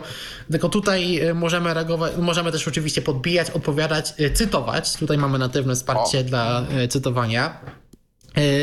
Możemy, ale też właśnie możemy reagować na różne sposoby. Możemy różnymi emotkami reagować, dowolnymi tak naprawdę, więc to jest coś, czego Macedonii nie ma, więc tutaj możemy tak bardziej facebookowo, czy tak jak w innych komunikatorach po prostu reagować różnymi buźkami. Mhm. Możemy tworzyć sobie tak zwane, no ale właśnie tak jak powiedziałeś, możemy też sobie pisać tak zwane wycinki, klipy i to już są, mogą być dłuższe posty, możemy sobie ze wszystkiego właściwie wycinki robić, one mogą być publiczne lub prywatne, więc można by to wy wykorzystać jako bloga. Możemy pisać strony, które inne osoby mogą też sobie E, podglądać. Mamy nawet dysk. E, możemy sobie do niego różne pliki e, ładować i po prostu później załączać albo właśnie zagnieżdżać na, na tych stronach lub na tych wycinkach. Więc jak tutaj można by sobie na przykład audio, bo jak najbardziej pliki audio są wspierane i się wyświetlają po prostu podczas nawigacji. Jest czat, możemy czatować z innymi osobami na na pewno na, na, naszej instancji. Nie wiem, czy pomiędzy różnymi instancjami. Tego akurat nie testowałem. Yy, ale są rzeczy, których na takim Macedonie się nie da zrobić. Na przykład możemy sobie tworzyć tak zwane anteny. To jest coś jak takie własne osi czasu w innych klientach możemy sobie zaznaczyć, z czego on ma te posty czerpać, czy z innych instancji, czy z naszej lokalnej i dawać sobie słowa kluczowe. E, każdej z tych anten możemy przypisać ustawienia powiadomień i co ciekawe, to jest coś, co myślę niewidomym się spodoba.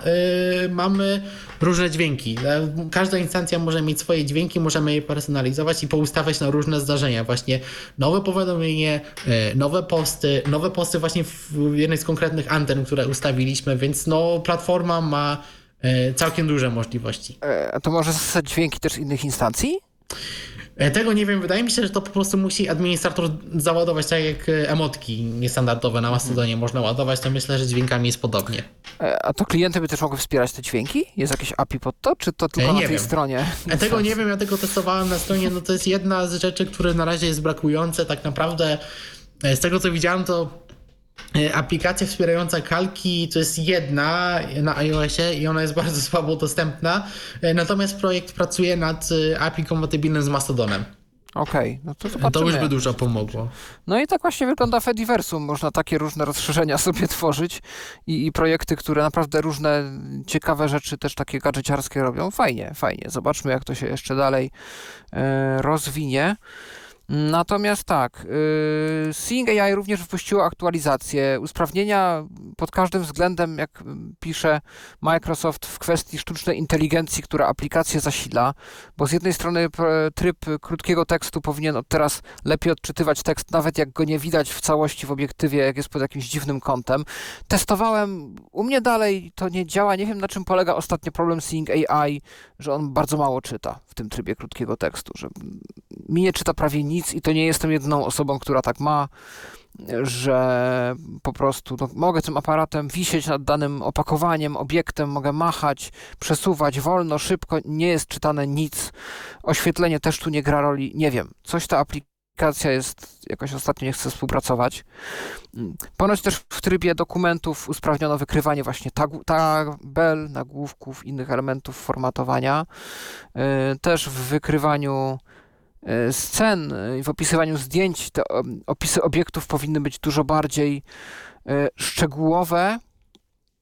I rzeczywiście udało mi się już jakieś elementy z tekstem, że przeczytał mi ten tekst, nie wiem, czy to wcześniej robił. Mam wrażenie, że rzeczywiście są bardziej pogłębione te opisy. Teraz nie, nie mam żadnych przykładów pod ręką, ale wiem, że jakoś bardziej poszedł w takie specyficzne słownictwo. Też w trybie wykrywania kodów kreskowych powinno to wszystko lepiej działać. Więc no tutaj można potestować Seeing AI, bo aktualizacja się ukazała.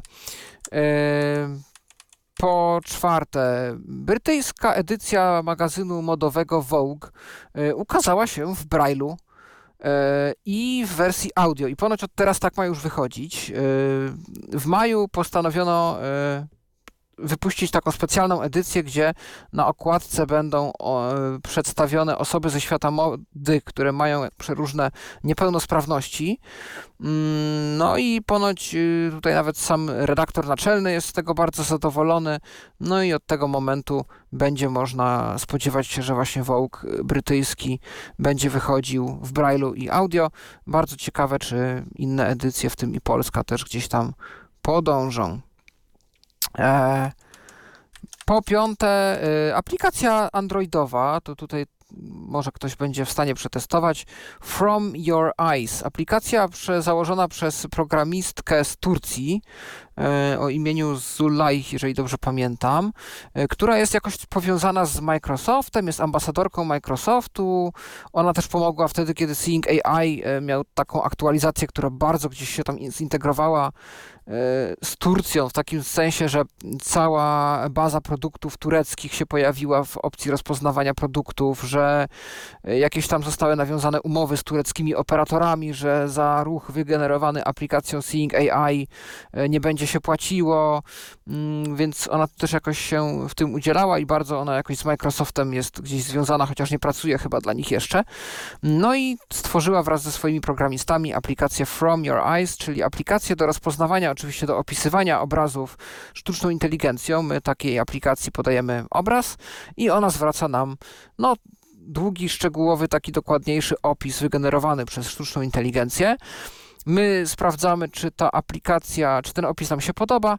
Jeżeli nie, to klikamy w odpowiedni przycisk i taki opis jest oraz zdjęcia są przesyłane do wolontariuszy, którzy i teraz nie do końca wiem, czy oni y, mogą się też zarejestrować, że każdy może się zarejestrować w tej aplikacji, czy po prostu y, jest to ktoś zatrudniony przez y, twórczynię tej aplikacji. W każdym razie taki wolontariusz otrzymuje obraz i ten opis y, i jest w stanie nanieść jakąś poprawkę i po pierwsze mm, taki poprawiony opis y, jest odsyłany do y, osoby niewidomej, która o taki opis poprosiła, a po drugie y, jest to przesyłane jako materiał treningowy dla algorytmów sztucznej inteligencji, żeby te opisy na przyszłość były lepsze. Ponoć jest tam zaimplementowany jakiś system tłumaczeń, więc zarówno nasze zapytania do wolontariuszy, jak i e, odpowiedzi są tłumaczone na nasz język, więc bardzo możliwe, że te opisy obrazów też. No aplikacja z tego co widzę jest w Polsce dostępna, można ją zainstalować i się nią bawić. Aplikacja jest darmowa, może kiedyś się pojawi na iPhone'a. E, no i na razie nie ma planów, żeby, żeby użytkownicy końcowi coś płacili. Jakieś są pomysły różne na modele biznesowe, ale na razie nie jest to obciążanie użytkowników, więc... Pobrałem no, aplikację i tak. no będę testował. Dobrze, no to czekamy na wrażenia. No to teraz y, właśnie ten news y, na temat Jam Sandwich. Tak, tak. w zeszły weekend odbyła się konferencja, e, nawet nie konferencja, tylko takie targi e, wszelkiego rodzaju syntetycznych instrumentów, syntezatorów w Berlinie. Nazywa się to Super Booth Synthmesse. E, I była tam moja znajoma, Niki Matita. Swoją drogą wygooglujcie sobie, bo jest to bardzo ciekawa osoba, jest artystką dźwiękową. Jest to osoba widząca, która tak bardzo weszła w dźwięk jako medium. Jest DJ-ką, jest y, autorką audycji radiowych, które są grane właśnie w berlińskich, tych wolnych rozgłośniach radiowych. E, coś, co się na przykład nazywa La Passante Ecutante, Hyren und Spazieren po niemiecku, czyli no, słuchając i spacerując po prostu audycje, w których y, obiera ona sobie jakiś motyw i pod ten motyw tworzy nagrania. Gdzieś spaceruje po jakimś mieście, po jakimś kraju i nagrywa po prostu dźwięki ulicy z minimalnym bardzo komentarzem. Więc yy, wiedząc, jaki ma być motyw, można po prostu się wsłuchać i sobie wyobrazić, jakby dźwiękowo to miejsce, w którym ona przebywa. Czasem posłuchamy jakichś ulic Pragi, czasem posłuchamy jakichś cmentarzy ofiar Holokaustu, czasem posłuchamy jeszcze jakichś innych. Raz mieliśmy odcinek właśnie, bo w ten sposób się poznaliśmy w Innsbrucku, więc y, gdzieś na Mixcloudzie te jej audycje są. Warto sobie w ogóle wygooglować jej twórczość. E, I jest to właśnie osoba, która przez te zainteresowania takie radiowo-dźwiękowe również bardzo, bardzo często myśli o osobach niewidomych, e, a jako, że się znamy, no to podsyła mi czasem e, przeróżne, przeróżne takie ciekawostki dźwiękowe i rzeczy, które mogłyby nam się przydać, więc tutaj wielkie dzięki. I właśnie teraz będąc na targach trafiła na stoisko firmy Electro Jam, gdzie jej założyciel, Brad Humphrey, e, który sam jest e, bardzo mocno słabowidzącym albo wręcz już nawet niewidomym e, muzykiem, postanowił stworzyć sobie sekwencer, tak zwany Eurorack sekwencer, czy tam Eurorack, Groove, Groovebox to się chyba też nazywa. Nie, to znaczy ja o tym przeczytałem już na tak, stronie. To, to może Tomku, ty powiedz, czym jest samo urządzenie, bo ja wiem tylko, że ono mówi, jak się ustawia mu pewne parametry, że ma tak, kartę y- pamięci, ma jakiś interfejs chyba nawet webowy do sterowania tym, coś tam. No to znaczy tak, y, o webowym interfejsie nie słyszałem, natomiast mm, chodzi o systemy modularne. Te systemy modularne są w kilku różnych formatach, jakby rozmiary tych, tych modułów, które się łączy. To znaczy, chodzi o to, że normalny syntezator, no to jest jedno pudełko, w którym jest jeżeli mowa o syntezatorach analogowych, no to są oscylatory, filtry, jakieś LFO, obwiednie i tak dalej, i tak dalej, klawiatura. Natomiast systemy modularne to jest, to są takie, no to jest coś takiego, co budujemy sobie syntezator z takich powiedzmy klocków. Jeden klocek to jest filtr, inny to jest oscylator, jakieś LFO, jakiś generator obwiedni, coś tam jeszcze, to wszystko się łączy odpowiednio, jeszcze wzmacniacz, żeby podłączyć to pod, nie wiem, podgłośniki, słuchawki, wszystko jedno. No i jednym z tych elementów takiego systemu modularnego może być sekwencer. I większość takich elementów e, systemów modularnych jest dla niewidomych dość dobrze dostępna, dlatego że tam jest z reguły kilka pokręteł, kilka przycisków, no bo taki pojedynczy oscylator, no to ma na dobrą sprawę dosłownie kilka parametrów, które można zmieniać, więc tam niepotrzebne jest żadne menu, niepotrzebne są ekrany dotykowe, chociaż nie wiadomo co będzie kiedyś, no ale na razie póki co jest dużo przynajmniej takich y, oscylatorów, które, które nie mają żadnych niedostępnych dla nas elementów. Najgorsze, jak tłumaczył właśnie ten założyciel tego, tego, y, tego, tej firmy, dla niewidomych są sekwensery. Dlatego, że one często mają jakieś menu, jakieś tego typu różne rzeczy i no dość trudno jest się przez to jakoś tam prze, mm, jakoś przeklikać bez wzroku. No i on stworzył urządzenie typu właśnie sekwenser. E, zdaje się, że on jest, e, on ma chyba 16 e, kroków. Dość mało, jak na dzisiejsze standardy. Mm, no i ten sekwencer ma osobne wyjście na to, żeby mówił, co w tej chwili wciskamy i co się wtedy w związku z tym dzieje. To jest generalnie sekwencer właśnie do sterowania takimi bardzo analogowymi systemami, więc on głównie nie ma chyba wyjść nawet MIDI, tylko tak zwane wyjścia CV, czyli no, to są takie, to jest taki analogowy sposób sterowania różnymi syntezatorami, który był wynaleziony i używany jeszcze przed MIDI, jeszcze w latach 70. No i no, mamy, znaczy mamy, mamy mieć. Jeżeli to rzeczywiście zostanie gdzieś tam, no, jeżeli to będzie w sprzedaży, no to będziemy mieli dostęp, jeżeli ktoś robi takie rzeczy jak, e, jak korzystanie z, czy muzykę na syntezatorach analogowych, modularnych, no to będzie tam można skorzystać z tego, z tego sequencera. Na stronie jest podanych na razie kilka danych, że to ma 16 wyjść, dość dużo. e, CV właśnie, którymi można sterować różnego rodzaju parametrami jakichś, jakichś syntezatorów analogowych. No i, no i tyle na razie wiem, przynajmniej z takiego bardzo szybkiego przeglądu mm, strony, który zrobiłem gdzieś tam tuż, tuż przed audycją. Tam na Tak. stronie jest e, film demonstracyjny też, jeśli ktoś by chciał posłuchać jak to brzmi, e, tam autor e, z tego urządzenia właśnie pokazuje jak, jak to urządzenie jest podłączone do różnych modułów odpowiedzialnych za perkusję, no i po prostu sobie właśnie programuje jakąś sekwencję. Tym zmienia parametry, można usłyszeć jak to wszystko współgra ze sobą. Tak. E, Zakres cenowy, jakby półka cenowa, w którą tu autor celuje, to między 400 a 800 dolarów.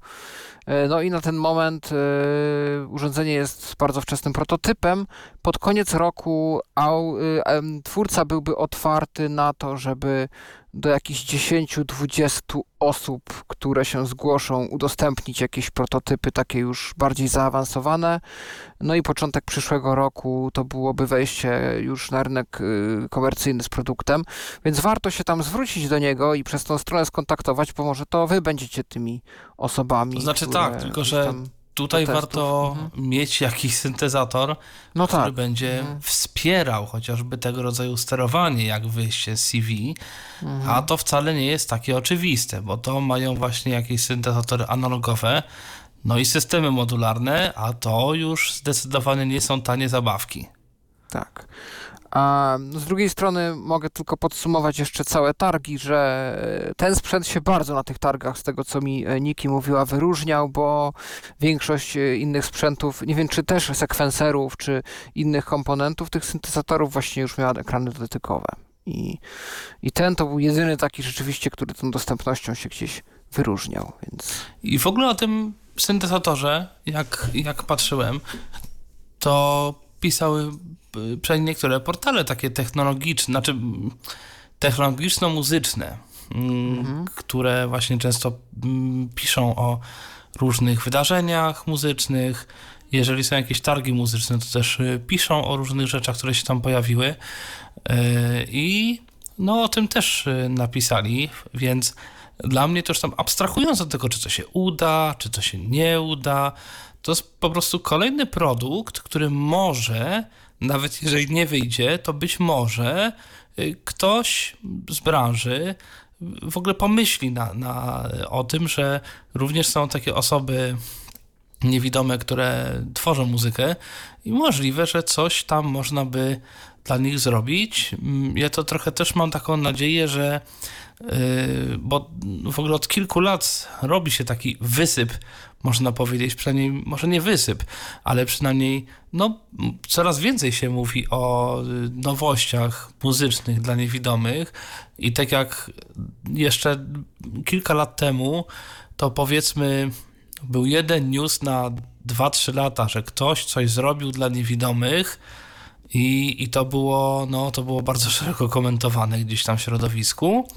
Tak, teraz rzeczywiście no, co jakiś czas tu jakiś JUICE, czyli ten interfejs do tworzenia wtyczek VST, teraz Native Instruments kolejne produkty udostępnia mm, i tak dalej. No jeszcze tam kilka, kilka newsów Ableton. było. Słucham? Ableton, tak, Ableton. Ableton, no właśnie, więc teraz y, no, no sporo jest tych, y, tych newsów muzycznych i też mi się wydaje, że to może mieć jakieś y, przełożenie na to, że ci ludzie, którzy zaczynali tworzyć muzykę elektroniczną w latach 70., y, oni wtedy byli dość młodzi, no teraz to są ludzie po 70. Czyli No tak. no to jest ten okres, kiedy szwankuje wzrok, słuch, y, pojawiają się jakieś inne niepełnosprawności, A jeszcze by się chciało. A jeszcze by się chciało, było nie było coś jednak robić, y, więc no i te wszystkie znakomitości przecież Jean-Michel Jarre, no dobra, Wangelis już nie żyje, ale Jean-Michel Jarre właśnie jakiś, y, nie wiem, Kitaro chyba jeszcze żyje, no, no jest kilku kompozytorów takich znanych na całym świecie, y, muzyki elektronicznej, którzy jeszcze są między nami i właśnie oni zaczynali w tych, w tych latach 70. i być może będą mieli jakiś wpływ na to, co się teraz, w którym kierunku to będzie szło. Także no miejmy nadzieję, że tych newsów y, związanych z tworzeniem muzyki, które było, nie było, może nam zapewnić y, jakąś pracę, y, która nam przyniesie jakieś dochody. No, no będą miały miejsce. Tak. Mm, Spoglądam na naszą poczekalnię na Zoomie i widzę, że tu mamy słuchaczy, którzy chcieliby e, z nami porozmawiać. Jest e, Borkow, czyli jak dobrze pamiętam z poprzedniej audycji, nasz słuchacz Borys. E, witamy Cię, tylko jeszcze włącz sobie mikrofon, żebyśmy mogli porozmawiać z Tobą na antenie. A to nie jest ostatnia osoba, która czeka żeby tu z nami pogadać, więc jeszcze chwilę szansa dla naszego słuchacza. A jeżeli się teraz. O, udało się. Witaj. Halo? Witaj. Mam opinię co do STW. Ten stary system według mnie był wygodniejszy. O ciupinkę. Tak, E, STW, czyli Survive the Wild, dla Tak, osób, które no. mogłyby się nie zorientować. Okej. tak. Może na czym Że polega to nowy jest. system? Ten system śledzenia przedmiotów jest. Ten starszy jest o wygodniejszy, bo tam wystarczyło, że naciśniesz jeden klawisz, a już masz odpowiednią kategorię, a tu trzeba jednak się przemieszczyć troszeczkę więcej. E, Okej.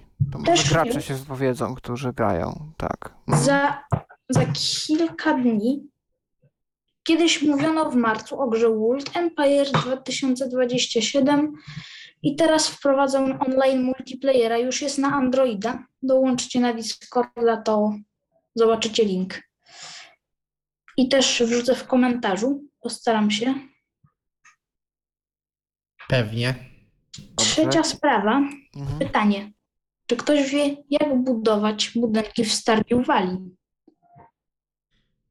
E, To jest temat, którym muszę się jeszcze zainteresować. Właśnie Stardew to, to jest gra, którą znajomi mi mówią od miesięcy, żebym w końcu, w końcu zagrał. E, Ale jeszcze, jeszcze niestety nie miałem czasu, żeby tego moda zgłębić.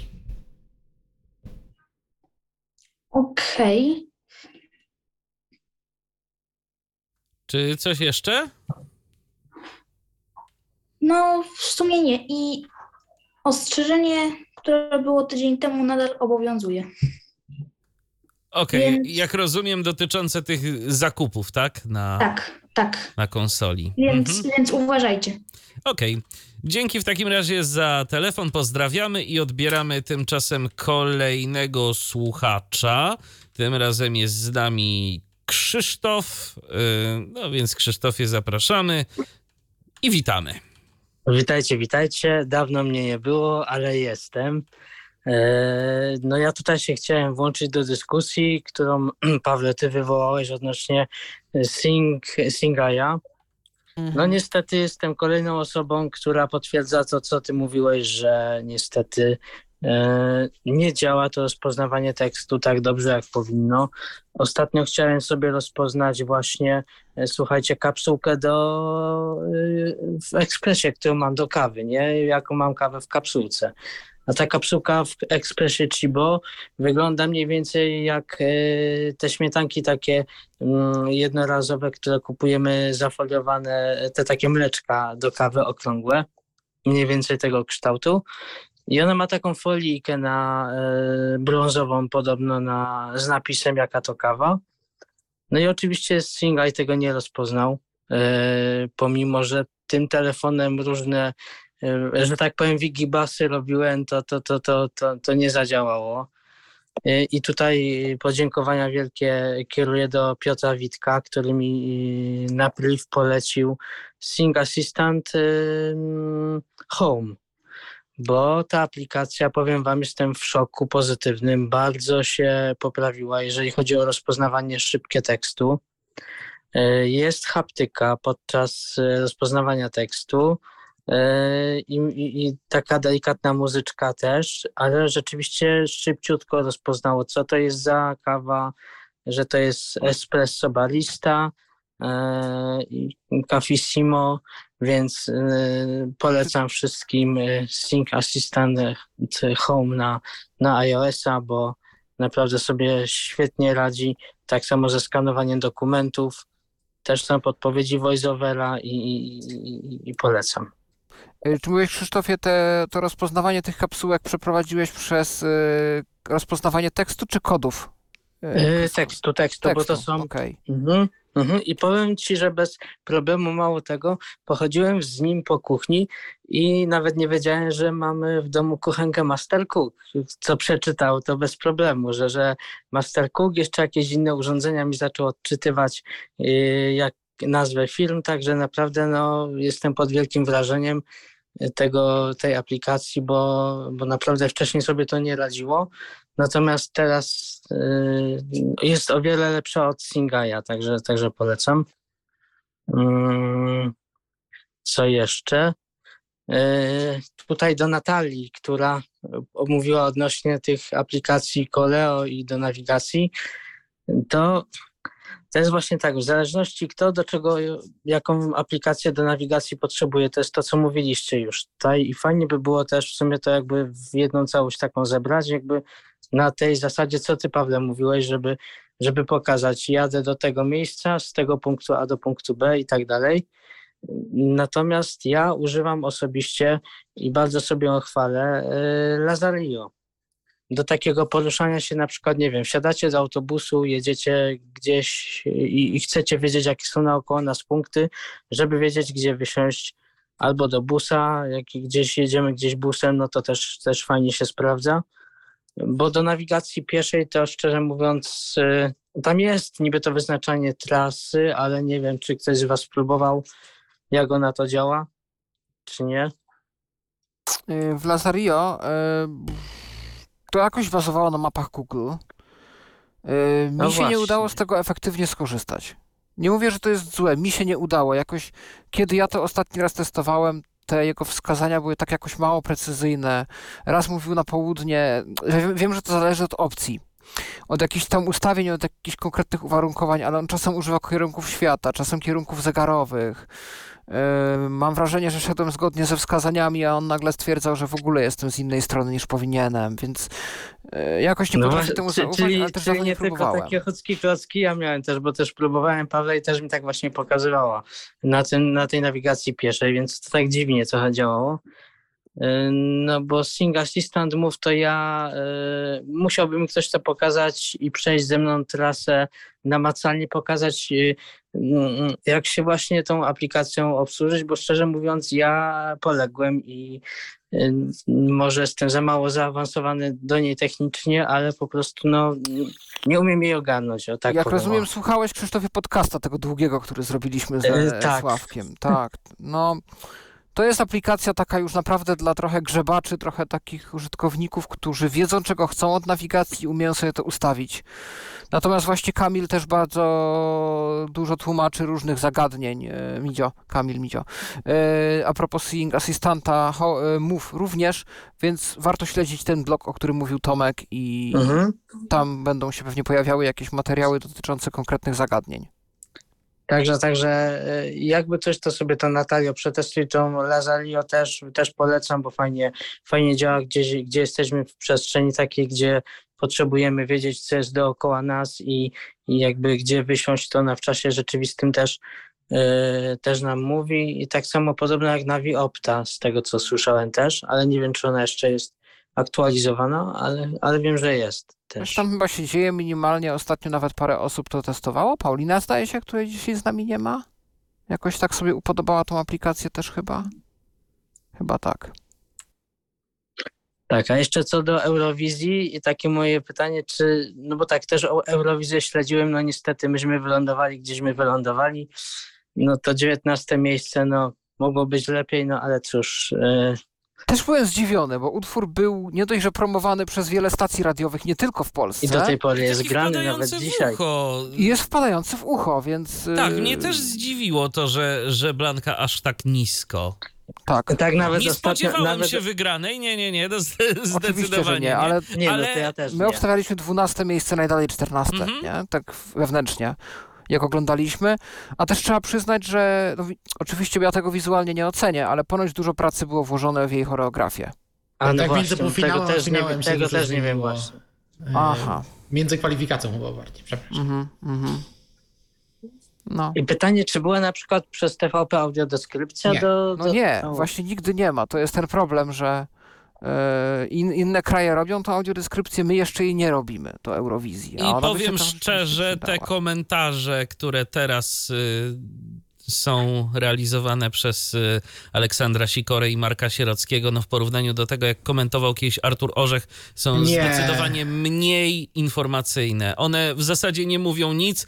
Y, Panowie po prostu mówią o tym, że mają nadzieję, że, że będzie dobrze, mają nadzieję, że będzie fajnie. Y, Z wypowiedzi Artura Orzecha to no, można było poznać jakąś historię, zdecydowanie Tak. więcej różnych ciekawych informacji. Też y, Tak. często była mowa na temat y, tego, jaka jest punktacja, jeżeli ktoś na przykład nie był w Właśnie. stanie czegoś zrozumieć. I y, no tu naprawdę, mimo tego, że ich jest dwóch, y, to radzą sobie gorzej od y, Artura Orzecha, który był jeden. I musiał No to się Michale zgodzę, I tutaj to się wracam- z tobą. Wracam do tego, co mówiłem. Jeśli znacie angielski, naprawdę gorąco polecam e, BBC Radio 2. E, Na przykład można przez stronę oglądać, nie było blokady. Bałem się, że to będzie jakaś e, geoblokada, ale nie, na szczęście nic nie było. Tam to prowadzi Scott Mills i jeszcze jakiś jeden znany DJ, ale tam właśnie dużo takich komentarzy było właśnie na temat tego, jak takich ciekawostek na temat tych różnych artystów, ale też jak był ten, to show podczas głosowania, kiedy to wyszli reprezentanci poprzednich lat Eurowizji, tam było dużo opisywane. Nie powiem, że wszystko, bo potem jeszcze e, oglądałem to z siostrą i tam siostra jeszcze dopowiedziała, ale dużo, dużo byłem w stanie sam wiedzieć, przynajmniej na przykład kto wychodzi, bo też nie, nie no zawsze tak, to było no. tak oczywiste. Lub tam była taka sytuacja, że była zaproszona osoba z, tam przy- sprzed 30 lat do tyłu, która reprezentowała e, Anglię, chyba właśnie ktoś z Liverpoolu. No i tam napisy się wyświetlały na scenie i to na przykład było przeczytane w, przez, przez pana Millsa w, BBC, więc no tutaj... No i punktacja też, właśnie jak były te niższe e, punkty od jury rozdawane przy każdych połączeniach, to on też to czytał, więc... No tak, ciekawe. Piotrze, nie ma jak osobista audiodeskrypcja. Dopóki no, ale BBC nie weźmie do radia Grahama Nortona, to, No, to taki e, dla osób, które nie wiedzą, e, prezenter właśnie BBC, który Eurowizję w telewizji przedstawiał brytyjskiej, ale znany był z bardzo sarkastycznego takiego poczucia humoru. Naszemu Arturowi Orzechowi też się zdarzały żarciki przeróżne i to potem się gdzieś cytowało, ale on ponoć bardzo, bardzo na tym się wypił, że, że dość e, sarkastycznie i stał się taką legendą Eurowizji w Wielkiej Brytanii. Jak Brytyjczycy Eurowizji na ogół raczej nie śledzą, tak Graham Norton jest właśnie taką postacią, dla której ten, te półfinały i finał się ponoć ogląda. Mm, No on teraz był zaproszony akurat jako gość, jako część e, występu w Liverpoolu. No tak, ale słuchajcie, swoją drogą to gdy y, TVP się promuje, nie, że robią audiodeskrypcję do filmu, wiadomo, ojciec Mateusz ma audiodeskrypcję, jakieś jeszcze inne filmy, no to takie wydarzenia jak Eurowizja według Mecze mnie to mają powinno, audiodeskrypcję. No to, to, to też powinno mieć, no bo to to też jakby świadczy o, o, o stacji. Znaczy, wiadomo, jak je, jest, jak jest, nie będziemy tu wchodzić w jakąś tam politykę, ale po prostu, no, sami wiecie, jak jest. No, No byłoby też fajnie, jakby zaczęli od dostępności aplikacji swoich, bo nie każdy ma telewizję Oj, naziemną, ale... tak. To I sło- ale- dostęp, i dostęp, ale to już możemy temat rzeka, dostęp Właśnie. do archiwalnych materiałów z audiodeskrypcją, czyli film poleciał gdzieś, on jest dostępny w jakimś VOD, niech on będzie też z tą ścieżką deskrypcyjną. Tylko, że no, dokładnie. yy, Te, też nie ma na VOD z audiodeskrypcją, także szkoda, ale no, mo, może coś się zmieni. No, nie nam, Mhm. Musimy czekać i zobaczymy. To No chyba tak. tyle ode mnie na dziś, bo żadnych newsów na razie nie mam. Okej, Krzysztofie, no to dzięki za telefon w takim Dzięki. razie. Trzymajcie się, hej. Pozdrawiamy, hej. No to w takim razie nowy temat, czyli co nowego w dostępności Androida. E, Tak jest, e, bo e, odbyła się konferencja Google I.O. Ona właściwie odbyła się w zeszłym tygodniu w środę. Już troszeczkę wspomnieliśmy o tym, bo ona się odbywała równolegle z tym, jak my prowadziliśmy Tyflo Przegląd. No ale właśnie przy okazji tego, po takiej głównej konferencji, o której powiemy troszeczkę później, była osobna, osobny materiał What's New in Android Accessibility. Będzie link do tego, będziecie, będziecie mogli sobie obejrzeć. To jest krótki, 20-minutowy materiał, podzielony taki na dwie części. E, W pierwszej części takie ogólne nowości dla powiedzmy użytkowników, a w drugiej nowości dla programistów.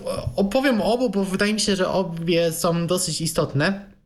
Po pierwsze, jeśli chodzi o E, samego Androida. No tutaj trochę rzeczy było e, mówione, które wcześniej się pojawiły, bo tutaj e, Nightmare Jaber wspominał na przykład o tym, że TalkBack dostał uproszczony dostęp do czynności, poprawianie pisowni w polach edycji, ale na przykład jeśli chodzi o obsługę Braille'a, to pomału pojawiają się sterowniki do nowych monitorów, które korzystają z tego standardu HID. Niestety nie mogą tego zrobić dla wszystkich naraz, taki był zamiar, no ale dla, każdych, dla każdego monitora pojedynczo są dodawane sterowniki. Na, na początek zostały na przykład dodane do e, monitora NLS e-reader. To jest e, linijka, która jest dystrybuowana przez e, amerykański odpowiednik naszego DZDN-u, więc no akurat może dla nas nie jest tak istotne, ale na przykład inne monitory, które z tego standardu korzystają, to są na przykład nowe Brillianty czy Mantisy, które w Polsce już jak najbardziej są, więc możemy się tego spodziewać. E, one chyba już działają na USB, jeszcze nie działają z Bluetoothem, ale właśnie te sterowniki do e, Bluetootha są pomału dodawane. E, to jest jedna nowość, a zostając przy Braille'u, to klawiatura brailleowska doczeka się skrótów, które pozwolą nam zaznaczać tekst i poruszać kursorem z poziomu klawiatury brailleowskiej w TalkBacku, która E, też wspiera język polski. E, mm, iOS też coś takiego oferuje. Nie wiem, czy te inne klawiatury brailleowskie na Androidzie też e, takie funkcje miały. Nie wiem, czy ktoś z Was wie. No, mniej więcej TalkBack takie funkcje też będzie oferował. Tutaj było właśnie pokazane, jak e, Naimer pracował nad listą zakupów, tam niechcący coś dwa razy wpisał, mógł sobie e, kursor w odpowiednie miejsce przenieść, zaznaczyć tą linijkę i skasować bez opuszczenia tej klawiatury brailleowskiej, więc myślę, że to jest e, tak, e, funkcja. funkcja, którą już widzieliśmy w Soft Braille Keyboard, w Advanced Braille Keyboard. A, tak. Czyli jest w. Jest. No. Właśnie jest i dlatego też wiele osób na Androidzie nie chciało korzystać, albo niechętnie korzysta z tej klawiatury y, talkbacka wbudowanej, bo właśnie nie ma tych gestów do nawigacji i manipulacji tekstem. A teraz e? będą. No właśnie, będą i będą w TalkBacku 14, ale to nie, nie będą ograniczone do Androida 14, więc tutaj spokojnie y, to nie będzie coś, co będzie ograniczone. I to właściwie wszystko, o czym Google powiedział, jeśli chodzi o TalkBacka, ale to nie wszystko, jeśli chodzi o nowości w dostępności w Androidzie, bo na przykład dla e, osób e, nierozsłyszących na przykład pojawiło się wsparcie, tak jak iOS już długo takie funkcje oferował, na lepszą współpracę z aparatami E, słuchowymi. E, tak jak na iPhone'ie będziemy mogli z poziomu Androida sobie e, sterować tymi urządzeniami lepiej, będziemy mogli sterować jaki dźwięk ma być wysyłany w jakie miejsce, więc na przykład możemy sobie ustawić tak, że E, dźwięki powiadomień będą wychodziły na głośnik telefonu, e, rozmowa na nasz aparat słuchowy, a muzyka na głośnik Bluetooth, więc może będziemy mogli sobie ten dźwięk e, rozdzielać lepiej, a też jeśli nie będziemy słyszeć tych powiadomień, też będziemy mogli sobie włączyć tak opcję, żeby lampa błyskała w naszym aparacie, czy nasz wyświetlacz po prostu zaczął mrugać, żeby nas poinformować o, o tych powiadomieniach. No i jeszcze tutaj zostają kwestie nowych API, które w większości pojawią się tylko w Androidzie 14, to jest e, poziom API 34 i to nas jak najbardziej może dotyczyć, bo pojawiły się takie e, trzy nowe API, które mogą być istotne. Po pierwsze, deweloperzy będą mogli na naszym interfejsie oznaczyć niektóre kontrolki tak, że e, zawierają wrażliwe informacje. O co chodzi? No, wyobraźmy sobie sytuację, że aplikacja e, bankowa wyświetla nam okienko do wykonania przelewu, no i niestety często jakieś złośliwe oprogramowanie na Androidzie wykorzystywało API dostępności, żeby po cichu sobie z naszego konta jakieś pieniądze przelewać. Co będziemy mogli zrobić w Androidzie 14? No, będziemy mogli oznaczyć całe widoki lub poszczególne kontrolki, więc nawet na przykład, nie wiem, sam przycisk wyślij przelew. E, także to są właśnie jakieś e, wrażliwe kontrolki, które mają być dostępne tylko do e, takich usług dostępności, które naprawdę pomagają osobami, osobom z niepełnosprawnościami. Jak to będzie weryfikowane? No między innymi przez, przez sklep Play. Tutaj wracamy do tego tematu, który kiedyś się pojawiał, że Android 13 blokował instalację usług dostęp, włączenia e, usług dostępności aplikacji, które były instalowane po prostu z plików APK spoza Play Store. E, teraz będzie można zrobić coś takiego, że nawet jeśli taką usługę zainstalujemy, a nie będzie ona zweryfikowana, to deweloperzy będą mogli oznaczyć, że jakieś kontrolki e, mają być dla takich usług niedostępne. Co to znaczy dla użytkowników Joshua? Nie wiem, zobaczymy. No to API jest dosyć ograniczone na razie, bo jest dostępne tylko w najnowszym Androidzie. E, no ale tutaj zastanawiam się, jak to będzie w, w przypadku Joshua, który jak na razie jest cały czas po prostu instalowany z plików APK na GitHubie, czy e, inne sklepy też będą mogły jakoś poinformować system, że to jest prawdziwa taka usługa dostępności, no bo w sklepie Play to jest jakoś weryfikowane, e, ale Joshua w sklepie Play nie jest, więc no nie wiem, czy coś jest tutaj robione w tej sprawie, czy ktoś z Was się interesuje, bo wiem, że w Androidzie 14 to E, jakoś zostało utrudnione, że nie da się tego napisać. Ponoć e, przynajmniej jedna osoba mi sygnalizowała, że w wersjach beta Androida 14 Joshua się nie da włączyć e, z pliku APK. Więc nie wiem, jak to. No ja nic nie wiem, więc może możliwe, że Paulina nam da znać za jakiś czas, jak. No właśnie, a jeśli ktoś z Was będzie. może wie, może testujecie, to. Arek. Tak, dajcie znać w komentarzach mniej więcej e, takie API się pojawiło, więc no zobaczymy, czy to się tak skończy, czy na przykład właśnie w niektórych aplikacjach dla niezweryfikowanych e, usług dostępności e, niektóre przyciski po prostu e, będą niewidoczne, no i wtedy będziemy musieli się czasami e, talkbackiem e, po prostu posiłkować. E, Ale pojawiły się jeszcze dwa nowe API, które już e, myślę, że będą szerzej dostępne. E, Po pierwsze, przy otwieraniu nowych okien e, deweloper będzie mógł wskazać, na jaką kontrolkę ma być ustawiony fokus, więc możemy po prostu wskazać e, na konkretny przycisk, który ma automatycznie zostać e, podświetlony przez e, czytnik ekranu, czy monitor brajlowski, czy jakąś inną usługę. E, A po drugie, e, będziemy mogli też ustawić na jakiejś kontrolce, jak często ma być czytana przez e, czytnik ekranu, jeśli jest zaznaczone. Tutaj jest przykład podany e, minutnika, gdzie czas się zmienia co sekundę. No ale nie chcemy, żeby TalkBack nam co sekundę informował o, o zmniejszającym się czasie, no to możemy po prostu na tej kontrolce ustawić odpowiednią e, wartość i powiedzieć, że takie usługi e, mają informować o zmianach tylko co 10 sekund na przykład. No i jeśli to ustawimy, e, no to co 10 sekund będzie podawany komunikat, a nie co sekundę. Więc myślę, że to są takie przydatne funkcje. No tutaj aż, aż tylu do nowości nie ma, co w iOSie. No mniej więcej są myślę dosyć ciekawe, przydatne. Zobaczymy, jak się dalej będzie TalkBack rozwijał, no i tą całą sytuację, jeśli chodzi o te mm, weryfikowane usługi dostępności, bo to, to też może, wydaje mi się, e, być istotny temat dla osób, które jednak chciałyby przy Androidzie zostać, albo e, ich urządzenia może będą aktualizacje do e, Androida 14 otrzymać.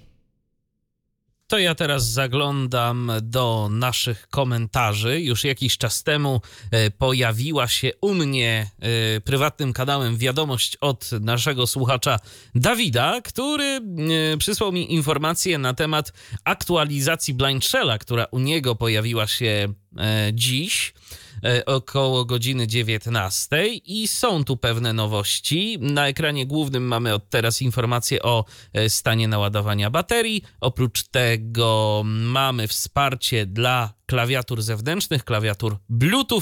No i jeszcze e, z tego, co napisał Dawid, e, Messenger, kiedy otrzymujemy wiadomość, oprócz tego, że dostajemy powiadomienie mm, syntezą mowy, e, też e, oznajmiam nam ten fakt za pomocą tego swojego charakterystycznego i znanego, myślę, że większości dźwięku. I jeszcze mamy jeden komentarz, tym razem z YouTube'a. Magdalena napisała: W Sync AI często warto użyć trybu rozpoznawania produktów zamiast rozpoznawania tekstu i wtedy są lepsze efekty. A to dziękujemy bardzo za tę Eee, podpowiedź. To zależy też, jaki produkt i, i co i w ogóle. Po pierwsze, mm, znaczy ja zasadniczo lubię ten kanał, e, bo wtedy rzeczywiście jest skanowany kod, porównywane jest to z bazą i dostajemy dokładnie nazwę produktu i to jest fantastyczne, jak działa. Gorzej jak nie działa i mi się już na przykład zdarzyło, że e, no, produktów po prostu nie ma, zwłaszcza polskich takich typowo. Mm, Jak one jeszcze są Chociaż teraz jest dużo lepiej niż było kiedyś, ale jak to są produkty jakichś firm zagranicznych, to one się pojawią bez problemu. Jak są to produkty firm polskich, to na dwoje babka wróżyła. A zdarzało mi się też, że skanowałem produkty zagraniczne i to mi się wydaje nawet, że jakieś dość popularne. A wyskoczyło mi coś kompletnie innego, jakiś w ogóle produkt z innej działki. Ja brałem powiedzmy produkt spożywczy, jakiś, nie wiem, czy to jakiś słodycz był, czy napój, a zwracało mi jakieś urządzenie przykładowo, więc też, też w ten sposób gdzieś tam się zdarzyło mi naciąć, ale zasadniczo tak, y, to jest fajny, fajny kanał wtedy, kiedy on rzeczywiście działa. To przechodzimy w takim razie do newsa na temat y, listy przebojów tworzonych przez osoby niewidome. Tak. Czy tam w ogóle z wadą wzroku? Tak, Low Vision Charts i jak słyszycie Low Vision, to możliwe, że już wiecie, do czego to nawiązuje, no i się nie mylicie, do e, konkursu, który my transmitowaliśmy w zeszły piątek e, i się on odbył, International Low Vision Song Contest. Jeżeli jeszcze nie słyszeliście tej transmisji, to zachęcamy, bo e, przez około 3 godziny tłumaczyliśmy to wydarzenie dla Was na język polski. Byliśmy świadkami zwycięstwa Ukrainy. E, mieliśmy możliwość też porozmawiać z naszą reprezentantką, y, Zuzią Mulec i z Rokiem Mulcem, który również ją w tworzeniu jej piosenki konkursowej wspierał.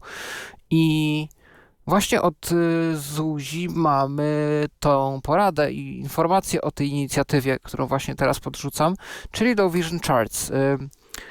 Parę osób, które nie do końca jestem teraz pewien, czy związane były z samym konkursem, czy po prostu y, chętnie go obserwowały, właśnie w Niemczech, y, doszły do wniosku, że dużo jest fajnych piosenek, jakby, że ten konkurs i te eliminacje narodowe do, tych, do tego konkursu mm, ukazują wiele ciekawych utworów. No nie, nie każdy utwór może wygrać i reprezentować kraj, ale y, co się usłyszało, to się już nie, nie odusłyszy.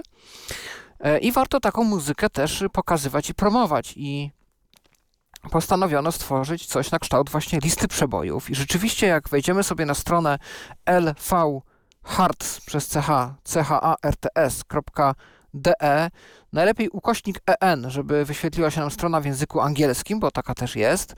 No to zobaczymy tam notowania tej listy e, i mm, który to utwór w danym miesiącu, bo to co miesiąc jest nowe notowanie, e, zajął które miejsce. I rzeczywiście jest to bardzo ciekawa sprawa, bo można w ten sposób odkryć wiele, wielu wykonawców i wiele utworów, głównie niemieckich, bo nie ma co ukrywać, ale Inicjatywa jest również otwarta na e, wpisy i na utwory z innych krajów.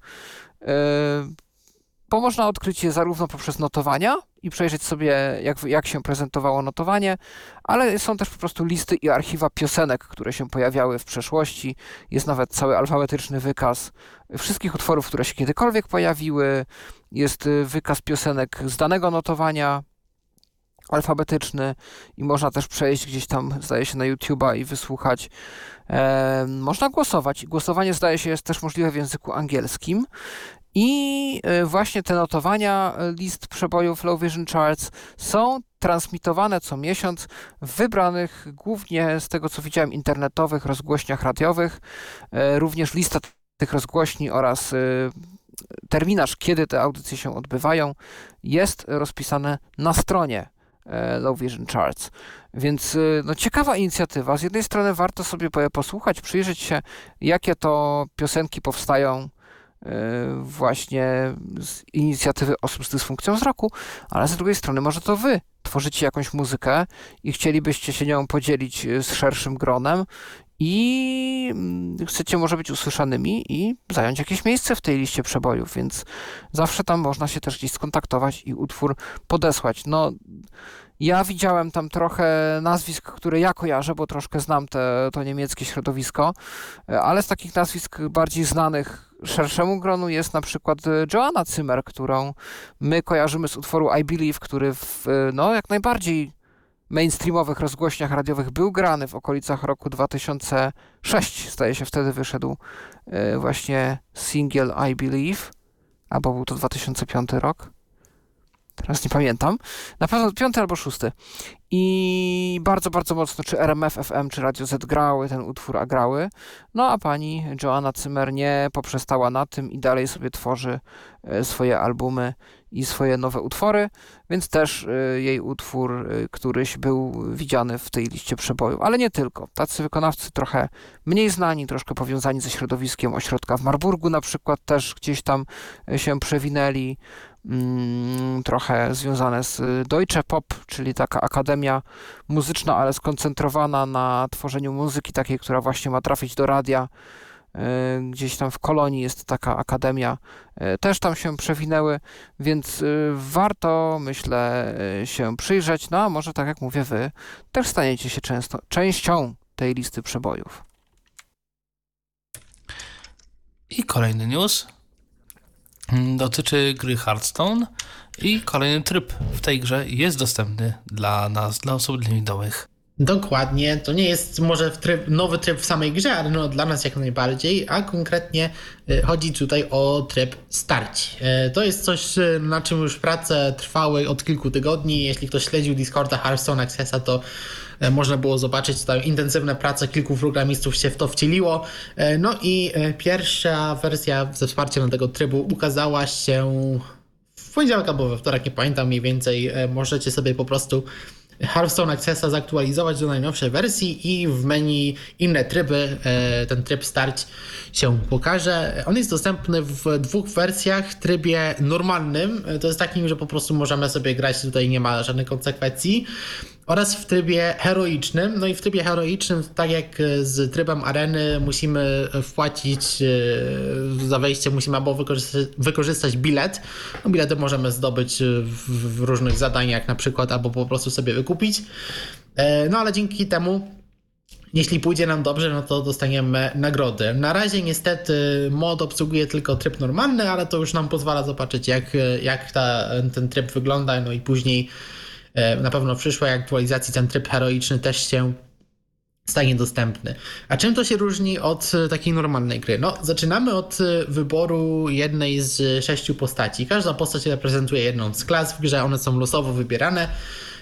Możemy sobie po prostu jedną z nich wybrać E, po czym, i tutaj jest taka nowość, której nie ma w takiej normalnej e, grze Hearthstone, e, możemy wybrać sobie jedną z trzech mocy. To są też tam losowo wybierane, tam jest każda klasa ma pulę różnych dostępnych mocy. Wybieramy sobie taką, która, która nas interesuje, po czym wybieramy sobie skarb. Skarb to jest karta, która będzie nam dodana do talii. E, wiele z nich jest takich, ma, ma bardzo jakieś moc, duże możliwości, są bardzo silne, niektóre nawet się ulepszają stopniowo z czasem naszej rozgrywki. Więc wybieramy sobie jedną z trzech, która nam E, gra zaoferuje, e, po czym budujemy sobie talię. E, Talie z kart, które mamy dostępne, tam niektóre karty są e, ograniczone w tym typie, więc po prostu nie możemy ich wybrać, no ale po prostu zależnie od e, klasy, którą wybraliśmy sobie, tworzymy sobie talię. E, ale talię tworzymy z 16 kart, a nie 30, tak jak w takim tradycyjnym Hearthstone'ie. E, I każda karta może wystąpić w naszej talii tylko raz, a nie dwa razy. No, legendarne karty też mogą w tradycyjnym Hearthstone'ie być tylko raz, ale tutaj no, wszystkie karty na początku przynajmniej są ograniczone do jednej kopii. Tworzymy sobie tą talię 16 kart, no i e, po prostu gramy sobie przeciwko innej osobie, która tak samo jak my musiała sobie stworzyć talię. Na początku mamy 25 punktów e, zdrowia, a nie 30, tak jak e, to normalnie jest. No i walczymy musimy tą, musimy naszego przeciwnika pokonać. Rozgrywka kończy się po, po tym, jeśli wygramy 12 pojedynków lub przegramy 3. To oznacza wtedy koniec gry, mniej więcej niezależnie od tego, czy wygramy czy, lub przegramy. E, po zakończonej walce, jeśli to nie jest koniec gry, to dostajemy nagrody. I możemy sobie znów wybrać kolejny skarb. E, dostaniemy dwa, e, w rundzie trzeciej i piątej dostaniemy jeszcze skarby pasywne, czy to są jakieś umiejętności, które na początku się automatycznie uaktywnią. No i będziemy mogli sobie jeszcze kolejne karty skarby dodać, które zostaną nam dodane do talii. A oprócz tego dostaniemy trzy różne e, wiaderka kart z, różn- z różnych zestawów.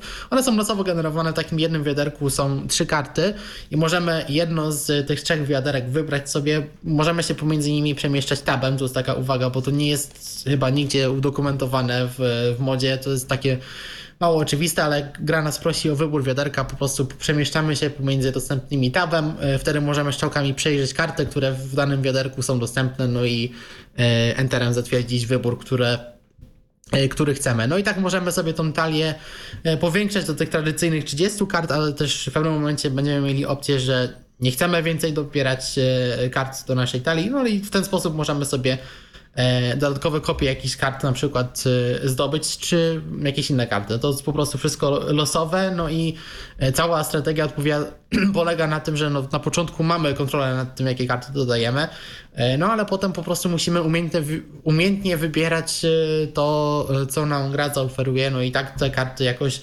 dodawać ze sobą. To jest tak troszeczkę, to jest podobne do tego, jak się gra na przykład w Slay the Spire, gdzie no, gra nam rzuca losowe karty i my po prostu musimy zdecydować, które z tych kart, które akurat nam zostaną zaoferowane, e, będą nam e, najbardziej przydatne. No i na tym generalnie to polega, e, po prostu stopniowo powiększamy swoją talię, e, pokonujemy przeciwników, no i jeśli gramy w tym trybie heroicznym, e, który mi, miejmy nadzieję niebawem się pojawi, e, no to dzięki temu, jeśli dobrze nam pójdzie, no to będziemy mogli zdobyć różne nagrody. To może być złoto, to może być pył, który możemy wykorzystać do, do stworzenia kart sobie, lub paczki, które też możemy sobie po prostu później otworzyć. Ciekawy tryb, gra się na pewno inaczej niż taki tradycyjny Hearthstone. Mi się osobiście bardzo podoba, chyba nawet bardziej niż, e, niż tryb areny. E, Myślę, że warto się zainteresować. Zobaczymy, jak szybko pojawi się ten tryb heroiczny, no i wtedy będziemy mogli po prostu już o jakieś nagrody sobie zagrać. No ale w międzyczasie możemy już sobie zobaczyć, jak, jak to wygląda i osobiście gorąco polecam. I ostatnim chyba newsem. Nie. No nie, to już byłyby... To już jest ostatni tak, news. dokładnie. Oczywiście, jeżeli chodzi o rubryki Tyflowieści, bo została jeszcze rubryka Technikalia. I tutaj mamy dwa newsy. Jeden, y, pierwszy jest od Pawła, dotyczący konferencji Google. Tak, i widzę, że ty, Piotrze, też masz jakieś swoje notatki, więc pewnie też jakieś przemyślenia. Yy, No AI, tak? Google AI, wszyscy to już jest Ja, taki mem w e, właśnie ja że- takie moje przemyślenie e, jest taki krótki e, 15-sekundowy klip, który chciałem puścić, który e, krążył Okej. na Mastodonie, e, który po prostu to jest, ładnie się nazywało właśnie podsumowanie e, podsumowanie Google I.O. 2023 e, i, i to mniej więcej wyglądało tak. AI, AI, AI, AI, generative AI, generative AI, generative AI, AI is AI, AI, AI, AI, AI, AI, AI, AI, AI, AI. It uses AI to bring AI, AI, AI, AI, AI. Aha, Ale AI. y, tak szczerze mówiąc, Ajajaj, ajaj. to Freddie Mercury na koncercie krzyczał EO, to już nie? kilku, y, na kilku YouTube'owych kanałach słyszałem, także No, t- To- t- ktoś, jakiś dziennikarz chyba 100 razy naliczył e, to słowo konferencji. może stworzymy kolejne AI, które będzie wyłapywać wszystkie zmianki o AI. Em, no nie, było tego rzeczywiście dużo i oczywiście w centrum tego wszystkiego jest BART. BART, który tak jak już zdążyliśmy w ostatniej audycji wspomnieć, ma trafić do wszystkich 180 krajów, gdzie większość usług Google działa. Ma być też dostępny w języku polskim. Czy od razu? No, na ten moment jeszcze nie jest to faktem, bo Kanada chyba i Unia Europejska nie mają tego jeszcze odblokowanego. Jakieś, nie wiem, czy kwestie regulacyjne, które muszą zostać dograne, czy, e, czy po prostu Google się jeszcze nie zdecydował. Wszak na Nearby Share też trochę Unia Europejska poczekała, e, pe- pewne, odczekała troszkę opóźnienia, ale nie było to opóźnienie długie. Em, Najważniejsze, że plany są, żeby nasz język wspierany był i nasza lokalizacja. No i cóż ten BART będzie w stanie robić? Ano będzie w stanie pracować dość mocno z obrazem. Yy, W ogóle ten model, jak oni to nazwali, rozumowania jest ulepszony, będzie zdolny do działań matematycznych i kodowania na jakimś skomplikowanym poziomie i będzie też mocno działał z obrazami, czyli no generowanie obrazów, yy, tekstu z obrazów. Yy, Nie dla mnie nie jest to dostatecznie zaznaczone, że tu chodzi o opis taki typowy dla osób z dysfunkcją wzroku, bardziej, że na podstawie zdjęć będzie generowany jakiś tekst, taki kontekst, że, że to będzie wspomagało jakieś wyszukiwanie, czy interakcje, czy jakieś interakcje ze znajomymi. Właśnie tutaj yy, współprowadząca podcast Blind Android Users podcast zarzuciła, że tyle się nagadali o AI, w czym oni tego nie wykorzystają a w czasie mm, konferencji, czy powiedzmy slotu poświęconego dostępności, zero wzmianek o tym. A tu jakieś gesty, które są ważne na klawiaturze brailleowskiej, tu jakieś API, które są szalenie ważne, ale no skoro Be My Eyes ma wirtualnego wolontariusza na GPT, to czemu tu nie ma lookouta, który by wspierał Barta? Ja, na przykład. E, więc yy, o tym tutaj w kontekście dostępności nie było powiedziane bezpośrednio i wprost nic. No to nie znaczy, Znając że... Google'a, może porzucić lookouta na poczet innego rozwiązania, które z Bardem już jak najbardziej zintegrowane będzie. No tak, albo będziemy się bawić w obiektyw Google, albo jakieś inne rozwiązania dla osób widzących, które przy okazji gdzieś tam coś tam. Ja przypuszczam, że się będzie dało pewnie, jak się mu wpisze obisz to jako sobie niewidomej, to pewnie coś zwróci. Na pewno będę ciekawy, jak, jak to się kiedyś może u nas pokaże, to na pewno przetestuję. Mhm. Natomiast y, same narzędzia googlowskie będą tym Bardem też wspomagane, bo przykładowo no, wyszukiwarka to Wszyscy mogliśmy się tego spodziewać. No skoro Bing ma czata GPT e, i ten chat GPT na pytania nasze odpowiada i generuje jakieś odpowiedzi obok tradycyjnych wyników wyszukiwania, no to tak samo też zrobi i, i BART. Mm, tutaj też integracja będzie Barda z zewnętrznymi usługami. No na razie są podane takie znane bardziej w Stanach, czyli kajak, wyszukiwarka lotów i taki planer podróży, Zipline, czyli yy, czy Zip Recruitment, taka właśnie też y, wyszukiwarka ofert pracy, Instacart, który jest no, definitywnie usługą do zamawiania zakupów w Stanach. No, jeszcze parę innych usług, jakiś tam Adobe, coś z Adobe. E, I będzie też e, integracja z zakupami. Jeżeli będziemy chcieli kupić, wiadomo, Google ma swoją bazę produktów. Kiedy my szukamy jakiegoś produktu, to pewnie widzimy od razu nazwa produktu, coś tam nagłówek. I to jest właśnie podpowiedź z Google zakupów, bo Google też indeksuje produkty w różnych sklepach internetowych. No więc tu będziemy mogli Barda poprosić o to, żeby nam doradził. E, a jaki tutaj podany przykład? Rower elektryczny mogę kupić na trasę 5-kilometrową gdzieś tam. Więc tutaj będzie też Bart naszym doradcą zakupowym. E, też zestaw narzędzi do dokumentów i do tej współpracy takiej w ramach e, Workspace e, będzie udostępniony pod nazwą Duet AI. I tutaj możemy się spodziewać pomocy w redagowaniu maili, dokumentów, podsumowań danych statystycznych właśnie z arkuszy i podsumowanie spotkań w Google Meet, czyli no takie rzeczy, które już też w Office gdzieś się za sprawą y, GPT albo pojawiają, albo mają pojawić. E, też y, zdjęcia i mapy. Mapy mają dostarczyć nam bardziej realistycznych obrazów, które powstaną właśnie z kolażu troszeczkę różnych wersji zdjęć z Street View ze zdjęciami lotniczymi, ale to niestety tylko wybrane miasta i żadne z tych miast nie jest miastem polskim, to y, gdzieś Niemcy, Włochy, Stany Zjednoczone, właśnie Japonia, y, to bardziej na razie Polska jeszcze nie. Mm, no i też y, zdjęcia doczekają się takiej usługi jak Magic Editor.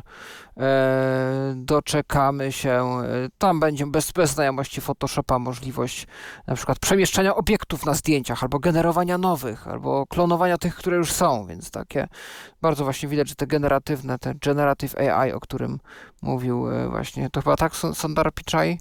Dobrze poznałem po głosie? Chyba tak, że CEO Google'a w tym klipie, który Piotr tutaj puszczał. Tak, e, tak. tak. Mm, natomiast e, jeśli chodzi jeszcze o magic rzeczy, które będą magicznie pojawiać się za pomocą magicznego AI, to aplikacja wiadomości również się doczeka Magic Compose, czyli e, no, wspomaganych sztuczną inteligencją właśnie szybkich odpowiedzi na, e, na wiadomości. No dużo tego AI. Zobaczymy. Jest teraz też otwarta platforma, jak to się nazywa? Google Kitchen Hub? AI Kitchen Hub. E, Chyba Google Kitchen po prostu. Google Kitchen. Aha. Chyba tak. Ciekawe, czy będzie tłumaczenie na polski, że kuchnia Google. Tak jak jest ryneczek Lidla. Nie wiem, ciekawe. E, natomiast właśnie tam też powoli ruszają testy otwarte bardziej. E, też oczywiście z listą zapisów e, tego AI do generowania muzyki. No więc zobaczymy, jak to się będzie sprawdzać. No i nie obyło się bez takich drobniejszych nowości. Tam bagatela, no Pixel 7a wyszedł, Pixel Fold składane e, i Pixel Tablet, ale kogo by to interesowało, skoro wszędzie jest e, AI. No więc tutaj. Mhm. No właśnie. Ja myślę, że tu można troszeczkę tutaj rozwinąć. Tutaj też patrzę, jest taki e, post na blogu 100 rzeczy, które zostały ogłoszone. Tu większość tutaj było powiedziane, ale na przykład takich ciekawych informacji, e, niekoniecznie związanych z AI, ale może zacznijmy od tego tutaj, jeśli chodzi o prywatność, no to na przykład Google wymyśliło e, algorytm, który e, potrafi wykryć właśnie sztucznie wygenerowaną, wygenerowaną mowę w 99% na przykład, co ciekawe. E, ale też na przykład, e, i tutaj jest współpraca z Applem, i to myślę, że jest akurat e, fajna sprawa, telefony z Androidem będą mogły też wykryć jakieś niezidentyfikowane urządzenia śledzące, czy nawet AirTagi na przykład. Tutaj było właśnie powiedziane, że to był duży problem, że AirTagi mogą być używane do stalkingu. No, załóżmy, że nasz partner właśnie my mamy iPhone'a, a to druga osoba, którą stalkujemy, miała telefon z Androidem, no to teraz też taki AirTag powinien być e, wykryty na przykład. Więc fajnie, że tutaj producenci współpracują, bo tu też inne firmy takie urządzenia produkują, Samsung, e, taki Tile na przykład, no więc no fajnie, fajnie że e, tutaj coś się dzieje. No jeśli chodzi o te urządzenia, właśnie te piksele, y, co ciekawe, na przykład y, tablet y, Pixel, który też właśnie powstał, wszystkie mają ten sam, ten sam procesor, więc są dosyć fajne urządzenia. Ten Pixel 7a na przykład właśnie z tej średniej półki dostaje bardzo dobre oceny, no ale mm, ten tablet na przykład, co ciekawe, jest w zestawie przychodzi z dokiem ładującym z głośnikami, które powodują, że, że dźwięk z tego tabletu jest jeszcze lepszy, ale też jeśli ten tablet jest y, zadokowany w tej ładowarce, to przekształca się w taki smart wyświetlacz. Działa jak taki y, hub do naszego smart domu, więc będą się na nim wyświetlały właśnie pogoda, różne informacje, jakieś kontrolki, które nam pozwolą szybko sterować, nie wiem, klimatyzacją, oświetleniem, takimi różnymi rzeczami. Tutaj właśnie czytałem takie artykuły, że to urządzenie troszeczkę może e, zabić rynek inteligentnych wyświetlaczy, które Google coś tam próbowało, ale ponoć te oferowanie, te, te urządzenia, które oni oferowali, e, to miały ostatnio dużo błędów, no a te firmy trzecich, jak na przykład od Lenovo, niedawno właśnie przez e, Google straciły wsparcie. Więc tutaj jest takie połączenie e, tabletu i smart wyświetlacza, więc możemy sobie właśnie, on jest... A i właśnie przez to, że on jest zadokowany na tym, na ty, w tym doku, e, jest duży 11-calowy wyświetlacz, taki większy tablet, e, też działa jako urządzenie Chromecast, więc możemy sobie na przykład z telefonu taki troszkę większy ekran, e, jakieś obrazy przesyłać w łatwy sposób, więc no poszli tutaj w tą stronę. I ostatni news ode mnie, też związany ze sztuczną inteligencją, bo chat Bing dostępny jest no, napisany dla prawie wszystkich, y, bo nie każdy musi się chcieć y, godzić na warunki, na jakich został udostępniony ten chat Bing. Trzeba mieć konto Microsoft i trzeba mieć, no trzeba to otworzyć w przeglądarce Edge. Na to ostatnie podobno są różne obejścia, jakieś wtyczki do Chroma i innych przeglądarek. Nie wiem, nie testowałem. Jestem grzecznie, używam Edge'a, przynajmniej w czacie Bing. Natomiast y, no, konto Microsoft podejrzewam, że rzeczywiście trzeba mieć. Też nie wiem, może ktoś tu znajdzie jakieś też obejście i na to, ale oficjalnie jest tak, że trzeba mieć właśnie mm, konto Microsoft, które można sobie założyć za darmo. No i trzeba używać Edge'a. No i podobno ChatBing jest dostępny dla każdego. ChatBing, y, o tym też już rozmawialiśmy, coś, co jest oparte teoretycznie na GPT-4, aczkolwiek chyba Microsoft wszelkimi siłami chce ograniczyć y, te funkcje, które no, są podobne do, GP, do czata GPT, czyli na przykład, żeby on nie mógł generować y, takich rzeczy jak czat GPT, czyli na przykład, żeby mu wpisać do Binga, żeby, no nie wiem, napisał wiersz na temat jakiś tam, no to czat Bing chyba teraz już za wszelką cenę usiłuje znaleźć to w internecie i zinterpretować wyniki znalezione w internecie, a nie samemu coś stworzyć. Mam takie wrażenie. E, ale to są jakieś takie króciutkie testy, być może akurat mi się to tak przytrafiło. Nie wiem. No i to tyle, jeżeli chodzi o newsy, które mamy tutaj w notatkach. Pytanie, czy ktoś znalazł coś jeszcze? E, ja znalazłem, znaczy w sumie miałem to już wcześniej, tylko zapomniałem dodać, ale dorzuciłem, więc link będzie w komentarzu. E, WhatsApp e, szykuje się do wprowadzenia zabezpieczonych czatów. Będziemy mogli sobie pewne czaty, które są dla nas szczególnie wrażliwe, schować do takiego zabezpieczonego folderu. To trochę jak ukryte zdjęcia w iCloud albo bezpieczny folder Galaxy w Samsungach. I dostęp do tych czatów będzie blokowany albo PIN-em, albo biometrią. No i jeżeli z takiego czatu otrzymamy mm, powiadomienie, to nie będzie widać ani nadawcy, ani treści. Będziemy tylko wiedzieli, czy przyszła wiadomość. Ukryte naszych... czaty w WhatsAppie tak. już teraz, e, jak dobrze pamiętam, są, e, tylko że one nie są w żaden sposób dodatkowo zabezpieczone. Mhm. No to teraz będą. No i też różne funkcje z tym powiązane nadchodzą, czyli generowanie haseł, różnych dla różnych urządzeń, które mamy podłączone do konta WhatsAppowego. E, no właśnie, te czaty. No, będzie bezpiecznie, jeżeli byście chcieli e, w jakiś tak e, poczatować w sposób bezpieczny. No i taka drobna rzecz na koniec. Teraz Amazon przedstawił też nowe głośniki Echo. Jest głośnik Echo Pop, jakiś w ogóle nowa kategoria. E, głośnik taki półsferyczny, taka półkula która rzekomo ma być do różnych takich pokojów typu salony za 40 dolarów, taki mm, głośnik. E, nowa edycja Echo Show i też jakieś budżetowe słuchawki. Swoją drogą, a, a propos Amazona, to oni już jakiś czas temu e, w tej swojej usłudze Prime e, wdrożyli taką funkcję, e, która myślę, że może się szczególnie przydać tym, e, którzy mają albo problemy ze słuchem, albo po prostu e, nie podoba im się sposób masteringu dialogów w filmach. To się zdaje się Voice Boost nazywa. Tak. I dzięki temu możliwe jest, ponoć właśnie też za pomocą sztucznej inteligencji, co w dzisiejszych czasach nie jest napędzane sztuczną inteligencją, jeszcze my, ale pytanie jak długo. E, natomiast e, dzięki tej opcji możliwe jest e, dodatkowe zwiększenie głośności dialogów w stosunku do tła. Więc jeżeli ktoś tam narzeka, na przykład, że słabo słyszy to, co się dzieje w filmie, nie do końca rozumie e, mowę, e, no to może sobie to w ten sposób e, no, ustawić, włączyć i już. To by się przydało do niektórych polskich filmów. Oj tak, oj tak, to prawda. U nas są, jest z tym problem, z głośnością dialogu względem ścieżki, ale też yy, wychodząc trochę za nasz kraj, ja bym tego chętnie użył do oglądania filmów po angielsku, bo ja język znam i jak y, ja na słuchawkach sobie słucham, to rozumiem wszystko z takich filmów, ale jak oglądam z kimś i to leci z głośnika i te postaci też mówią w taki niedoły sposób, tak jakbym żyć mi się nie chciało, e, a jeszcze do tego leci muzyka, jakieś efekty dźwiękowe. To, to właśnie gorzej. nie tylko u nas chciałem powiedzieć, bo dużo tak. osób na to narzeka właśnie, że muzyka jest za głośna w dzisiejszych filmach, e, no to jest problem. Tak, ja nie będąc native speakerem, e, zwłaszcza jak uczyłem się gdzieś angielskiego i na zajęciach zdarzało nam się oglądać jakieś filmy tak całą grupą, czy seriale jako materiał ćwiczebny, to naprawdę miałem duże problemy zrozumieć. I no, muszę przyznać, że dopiero jak zacząłem oglądać sam, ale no wiadomo, to żadna frajda czasem oglądać coś samemu, tak? Chciałoby się z kimś. Tylko wtedy już się przestaje rozumieć dialogi. No może by wtedy pomogło.